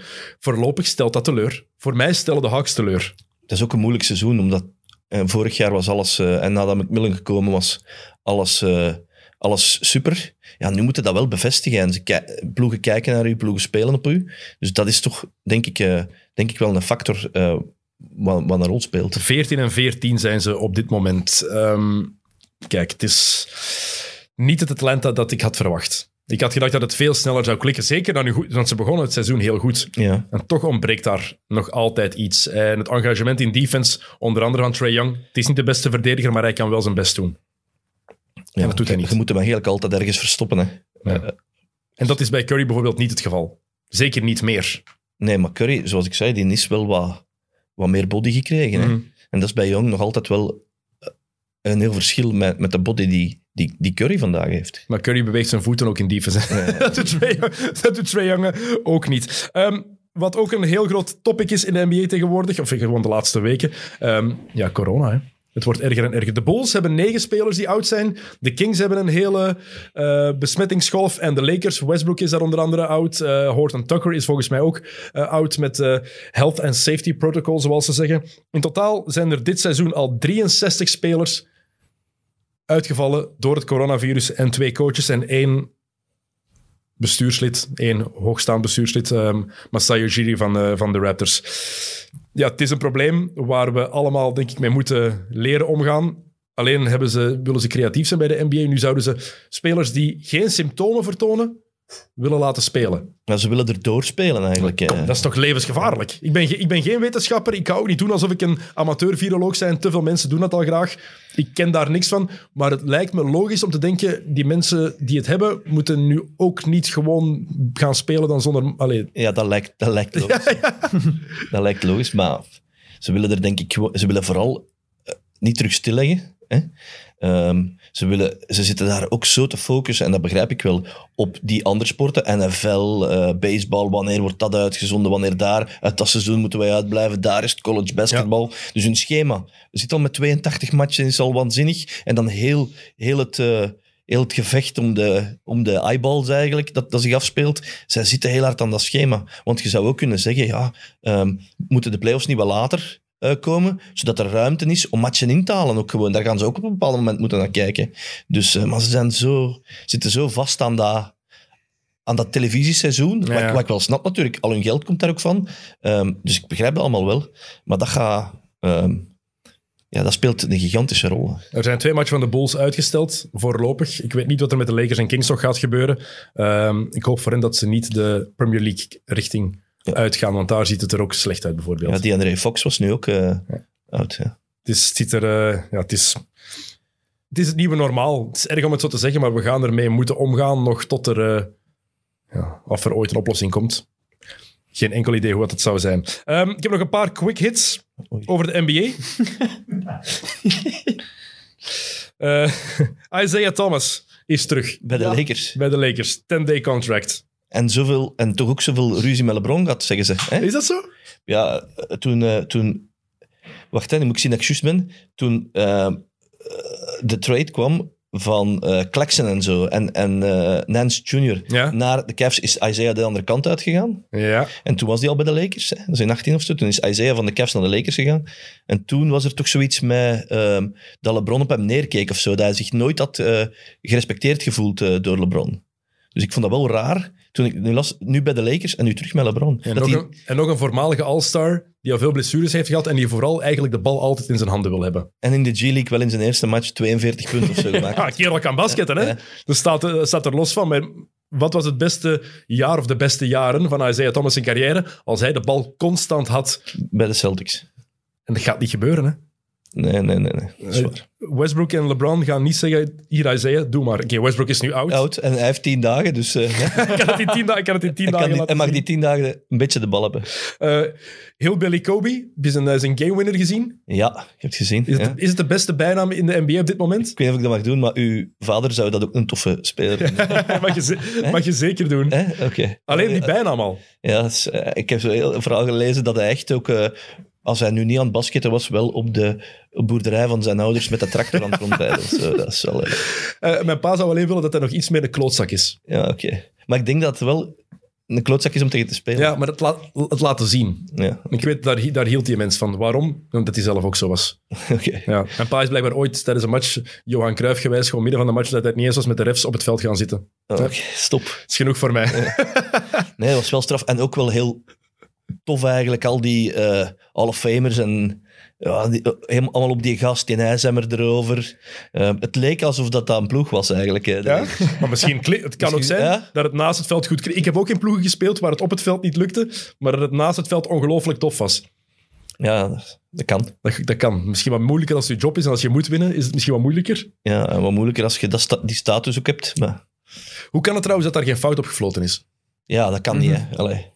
Waanzin. Ja, Die wordt getorpedeerd. ja, en hij heeft ook nog heel zijn arm mee. Hè. Ja. Ja, Ik vond dat onbegrijpelijk dat dat gewoon is gepasseerd. En blijkbaar, ze hebben een two-minute report eh gereleased. Dat stond er niet bij, maar wel vier andere fouten die de refs niet hadden gezien. Drie die nadelig, die voordelig waren, waren geweest nu voor de Lakers. En die dus nu in het nadeel waren ehm, van, tegen wie was het weer?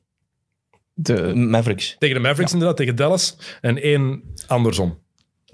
Het goede was ook wel dat Reggie Bullock dan de bal kreeg. Die ging toch geen basket meer maken. Dan Wat is daarmee gebeurd Reggie Bullock? Echt, dat is onwaarschijnlijk. Eh, maar de buzzerbeater van Devontae Graham, je hebt hem daar straks al even aangehaald, die was wel nog beter. Ja, en ook die, eh, die eh, van, van Shea ervoor. Ja. Allee, die, die opeenvolging. Maar die gooit hij van aan zijn, van zijn heup, hè? Maar ja, zijn shot is speciaal. Hè. Maar dat was nog anders. Ik Ja. weet niet, die Ja, Dat was niet... Eh, dat was, ja, Ja, hij, hij zijn moest, verdediger zat Ja, wel heel goed op hem. Ja. Maar, 1,1. Het was dagger tussen aanhalingstekens leek het van Brandon Ingram. Dan Ja. nog een seconde te gaan. Scoren drie punten van Gilgis Alexander en dan de Van Graham die die bal met het bord binnengooit. Ik vond het mooiste beeld de reactie achteraf van de OKC-spelers die echt vol verbazing aan het kijken waren. van, Wat de fuck is hier gebeurd? ja. Ehm, Blijft natuurlijk een geluksbal. Hè? Natuurlijk. Het blijft een fantastische geluksbal. Hè? Het is nog toffer, vind ik, als er dan zo een buzzerbeater komt die uit een play komt. Of die, die op, iets, op, op een kwaliteit van, van een speler komt. Ja, de, deze is, ja, ik, ik gooi hem en Ja, het was ook met het bord binnen. Met het bord Ook binnen. Als je dat niet kalt, dan kan het al het is niet. wel de verste gamewinner ooit. hè? ooit. Ooit? Nee, nee, de laatste 25 jaar.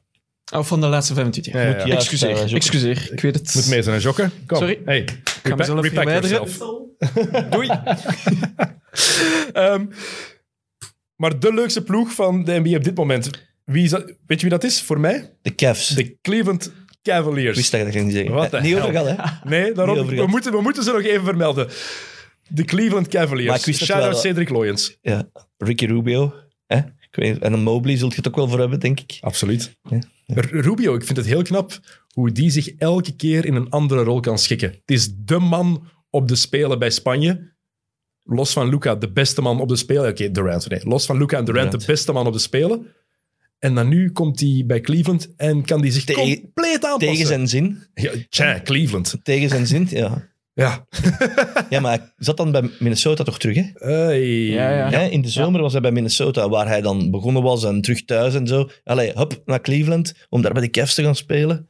Ehm, en dat dan... Ja, ziet er mij ook gewoon een toffe gast uit, die Rubio. En het is een voordeel voor hem dat Sexton geblesseerd is uitgevallen. En misschien voor die ploeg is dat eigenlijk ook niet En slecht, voor denk ik. Garland is dat een groot voordeel, denk ik. ik ben grote fan van Darius Garland. Ik zie die heel graag spelen. En ik denk dat dat iemand is die echt op termijn serieus kan doorgroeien naar, naar, eh, een, ja, naar, een, naar een superstar, is misschien veel gezegd. Maar wel naar net daaronder. Garland en Love voor Simmons, zou je dat doen? Nee, ik geef Garland niet af. Je geeft hem niet af. Met de vibe die daar nu ook is? Nee. En ik denk dat Garland ook creatiever is dan Simmons. Eerlijk gezegd. Je kan er meer kanten mee uit. Defensief heb je minder, maar daar heb je Isaac Okoro voor. Ja, dat is waar. Ja, en Mobley. En Mobley. Ja, Evan Mobley. Iedereen vergelijkt hem met de jonge Kevin Garnett. Defensief. Ja, maar zon, wel, wel wat bescheidener en zo. En, hè? Maar Young Garnett was ook nog rustig. Hè? De eerste jaren was Ja, Garnett ook nog stil. Ja, omdat hem ook maar 18 jaar was of zo. hè. ja. Maar later... oh. Maar ik, ik snap je... Ja, je, je later... Ik denk niet dat er iemand is die zo'n erge dingen heeft gezegd, al trash-talkend. Nee, dat denk ik. Ik Kevin zie Garnett. Mobley daar nu niet naar evolueren. Maar het is wel echt een, een genot om naar te kijken. Ja, dat is toch om te zien, ja. En hoe... Dat hebben we hier ook al een paar keer gezegd, denk ik. Maar hoe lang is die mens? Ja, en met Allen samen. Hè? Wat je ook in het begin denkt van hoe gaat dat marcheren. Ik vind ook dat Kevin Love echt terug heel oké is. Hij heeft er goesting in, hè? Ja. Ja, je kunt niet begrijpen dat die mens dan niet fit geraakt voor de Spelen. Ja, nee, letterlijk niet goed genoeg bevonden. Hè? Ja, niet goed genoeg, maar ook omdat hem ja, niet fit genoeg was. Combinatie van... combinatie van de Ja. twee. Ja, niet kan volgen. Ehm, maar eh, als je dat nu ziet, eh, is Kevin Love ook wel helemaal terug. eh allee, in een bepaalde rol wel. Hè. Dat is natuurlijk niet, eh, dat is niet de Kevin Love van, van vroeger, maar, maar wel oké. En hij heeft zich vooral ook geschikt naar die rol. Ja, als Isaac Okoro nu offensief nog een beetje kan evolueren, dat is toch nodig, in mijn ogen? Ja. Dan ziet het daar heel leuk uit. En misschien hebben ze nog eens geluk met een of andere draftpick die ze hebben. Ik weet niet wat ze nog hebben van andere teams. Maar ik denk niet dat er een ploeg is die zoveel chance heeft gehad in de draft lottery als de Cleveland Cavaliers de laatste 20 jaar. Ja, en ook dat, die, dat Mobley niet gepakt is door Houston. Hè? Ja, maar, Mo- blijkbaar is het nooit een optie geweest. Houston was zo verliefd op Jalen Green, het moest en zou Jalen Green worden. Ja. Wat ik ook nog wel kan begrijpen. En wat ook nog kan uitkomen. Hè? Natuurlijk. Ik vind Jalen Green ook een fenomeen. Ik heb wel wat schrik met zijn shot en zo. Ik heb wel wat schrik zo. Eh, Hoe bedoel je? Ja, dat zal toch beter moeten. Eh, ah, het, is, het is de atletische, dat is geweldig. Maar ik heb, het zal toch allemaal, in, allemaal juist moeten vallen. Het basketbal-IQ moet zich nog een beetje Ja, ontwikkelen ja. bij Jalen Green. En bij Mobley is dat al duidelijk wel aanwezig. Bij Cunningham is dat ook al meer aanwezig. Bij Mobley. Maar de chance die de Cavs wel gehad hebben de laatste jaren in de draft lottery is echt abnormaal. Hè? En hebben ze nog een first pick eh, weggegeven aan Anthony Bennett hè, toen? Ja, maar ze hebben wacht, LeBron gehad in 2003. Ja. Dat was de eerste chance dat dat ook naar Memphis kunnen gaan. Het was Detroit heeft de tweede pick gekregen, maar het was eigenlijk de draft pick van Memphis. Als de eerste pick was geweest, was die voor Memphis geweest, als, ik, me niet, eh, als ik me niet vergis. Ehm Darko Milicic. Milicic. Dan, tweede, dan is LeBron weg, het jaar daarna. Kyrie Irving als eerste. En ook de vierde pick hebben ze Tristan Thompson meegekozen. 2011 hebben ze, hadden ze ook Kawhi Leonard kunnen kiezen bijvoorbeeld, of Clay Thompson. Hebben ze Tristan Thompson meegedraft. Eh, het jaar daarna de vierde pick, Dion Waiters. Ja. Niet echt top. Het jaar daarna Anthony Bennett. Ja, en dan Wiggins. En het jaar daarna nog eens een nummer 1 pick met, eh, met eh, Andrew Wiggins, die ze dan traden voor Kevin Love. En dan hebben ze nummer 5 pick gehad met eh, Darius Garland. Nog eens nummer 5 met Isaac Okoro. En dan nu nummer 3 met Evan Mobley. Ja, Garland. Was er geen trade? Nee, nee, nee. Vijfde pick. Darius Garland, Ja, zeker vijfde pick. Want ik weet, iemand heeft me toen nog gestuurd. Ehm, ik had toen iets getweet daarover, over de, de draft. Ah, hoeveel pech kan Cleveland hebben? Twee jaar op rij de vijfde pick. Maar je moet ook wel heel veel, heel veel seizoenen heel slecht zijn om zoveel chance te hebben. Dat is er natuurlijk ook. Hè. Al die post-LeBron eh, LeBron weg, ja. Het jaar daarna... Maar de Kings zijn al twintig jaar slecht. Zoveel chance hebben die nog niet gehad, hè? Nee, dat is waar. Maar die kiezen natuurlijk ook Marvin Bagley. Ja, en niet Luka Doncic. Ja. Maar Die, zelf ook waarschijnlijk goed gezegd zal hebben dat hem niet naar Sacramento zou gaan. Ik weet het niet. Dingen, want eh Kokoschkov zat daar. Nee, dat was bij Nee, Phoenix. dat was één. Dat was Ja, dat is één. Divac. Divac. Divac was blij, blijkbaar had- was Divac eh, niet zo'n goede vriend van Pa Doncic. Ah. Wat ook een Servier is, hè? Pa Doncic is een Ja. Servier? Ja. Ik denk het wel. Ja, moeder is in Sloveens. Ja. Wauw. Drama. Eh, maar de Cavs, ik had voor het seizoen gezegd, mijn League Pass team. En ze zijn, maar ik had wel niet gedacht dat ze nu 18 en 12 zouden zijn. Nee, dat heeft, nie- dat heeft niemand gedacht, hè? Die doen mee voor een top 4 plaatsen. Ja, dat heeft niemand gedacht. Wauw. Ehm, Danny Ainge, de nieuwe CEO en alternate governor van de Utah Jazz. Dus die mensenvakantie heeft niet zo lang geduurd. Van de, Of zijn pensioen. van de golfbaan. eh, Terug naar eh, ja. ja. het front office. Ehm, Maar komt daar ook gewoon bij, hè? Het is niet dat er iemand weggaat of Nee. zo. Functie bijgemaakt. Ja, gewoon extra functie hier. Inderdaad, dit is voor u, Danny. Maar dat weet iedereen bij, bij Utah moet wel bang zijn nu. Je kan vanaf vandaag op morgen getrade worden. Ja. Danny Ainge doesn't give a Die- fuck. dat is echt heel duidelijk. Ik vind dat Eh, wel merkwaardig eigenlijk. wat? Zo lang bij Boston gezeten en dan nu. ja, maar die heeft op BYU gezeten. Eh, Danny Ainge is een mormoon, dus die is in Utah gaan wonen, ook Salt Lake City. Ik denk zijn familie daar al woonde, mormoonse gemeenschap. En blijkbaar snel binnengegaan bij de Jazz. ja, en blijkbaar een vriend van, een hele goede vriend van de eigenaar of zo, van de, van de, van de Jazz, Ainge. Ook Ja. of samen op die universiteit gezeten. En, zo. Kijk, ene pot nat. Ehm, en Dwayne Wade. Ene pot nat en Dwayne. ja, dat, dat begrijp- Wat Wayne Wade bij Utah doet, die links snap ik, ah, ik voel dat nog altijd niet. Ja, die Ja, dus je kunt kiezen tussen Miami of eh Heat. Ja, wat, Utah. klikte met die eigenaar. hè. Ja, het moet wel. En met Danny Ainge ook. En met Danny Ainge. En ja, het moet een goed verdienmodel zijn daar ook. Ehm, en nog één laatste Zit wel NBA-ding. altijd vol ook, hè? Zwaar. Trouwe supporters. Kut supporters blijkbaar. Ja, maar Gaan we er altijd vaak vol. over, maar het is daar eh, lekker vol. Eh, mensen die naar de Brooklyn Nets kijken, let op Patty Mills, hoe die constant geniepig probeert om de bal te stelen van Oh, tegenstanders. Ja. Heb je dat al gezien? heb je het geluidseffect al gehoord, wat dat ze daarbij? Die Joink van de Simpsons? ja. ja. Ja, die Joink van de, de Simpsons heb ik inderdaad gezien. Elke keer komt hij van achter de rug van iemand en dan tikt hij die bal zo onderdoor weg. Het is een kunst. Gisteren is hem wel zelf eh gesteeld geweest door Andre Drummond. Echt? Eén op één, ja. Oeh, dat is pijnlijk. Door Drummond. Ja, Drummond. Tik weg, alleen. Drummond gaat voor een open dunk en hij travelt. Maar het wordt niet gefloten, je moet eens bekijken. Oké, dan ga ik zo iets zoeken. Eh, om af te sluiten, Pieter. ehm, jullie bij Sporza, NBA is er niet. Belgisch basketbal is er wel. Of ik moet zeggen, Belgisch-Nederlands basketbal nu met de B-Next League. Wat vind je eigenlijk van het concept? B-Next. Prachtig. ja, maar het is, je kan er toch eerlijk over zijn. Wij zenden dat ook uit. Ik ben er toch ook eerlijk over? Ja, Laat ons eens kijken wat het, eh, wat, wat het oplevert, hè, mannen. Als we dat nu eens zeggen, laten we eens kijken wat het oplevert en, en hoe het loopt. Ja, Proberen, we- worden wel dingen geprobeerd. Ehm, maar het is, al, het is wel al moeilijk om een soort... Om met, met basketbal, maar Gel gaat dat beter weten dan ik, om, om daar een soort van emotionele connectie met een club te hebben. Ehm, en dat is nu niet beter. Dat is spijtig, hè? Ja, dat is, maar ik, ik heb daar ook geen rationele verklaring voor. Ehm, dus eh, Want in het voetbal is dat wel heel hard. die betrokkenheid, zo, dat, is, dat, dat is heel raar. Maar bij de NBA heb je dat ook weinig. Ja, het is niet dat ik voor een bepaalde ploeg of zo bent. Je kijkt voor, voor het spel en voor, en voor de spelers en voor, voor alle verhalen er rond. Mhm. Maar je kijkt niet voor een bepaalde club of zo. Je hebt een League Pass team, oké, dat kun je hebben. Maar het is niet dat je s'nachts wakker ligt als de Cavs verloren Nee, maar ik hebben. denk wel als je inwoner, als je ginder woont, zeker zo New York, Ja, dan er wel... alhoewel dat zij dat vaak meer met de NFL en zo hebben, hè, dan met de NBA. Inderdaad. Maar ik denk wel dat het ook van stad tot stad afhangt, inderdaad. Als je in New York woont, ga je, is de kans groter dat je van de Knicks gaat houden. Alhoewel, als je nu tien jaar bent, waarom zou je dan van de Knicks houden als je ze alleen maar hebt zien sukkelen?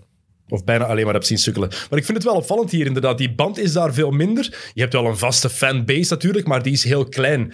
En ik vraag me echt af of dit Bene-verhaal voor meer populariteit gaat zorgen en voor meer volk in de zalen. Want dat is waar het ook ergens om gaat. Hè. We willen dat de, de basketbalcommunity dat die nog groter wordt. En ik heb het gevoel, misschien ben ik fout, maar dat is mijn gevoel, dat de NBA nog altijd veel populairder is in België dan de Belgische competitie. Mensen gaan veel liever of veel meer richting NBA gaan dan naar de Belgische competitie. En in het voetbal, de Premier League is niet populairder dan de Belgische voetbalcompetitie.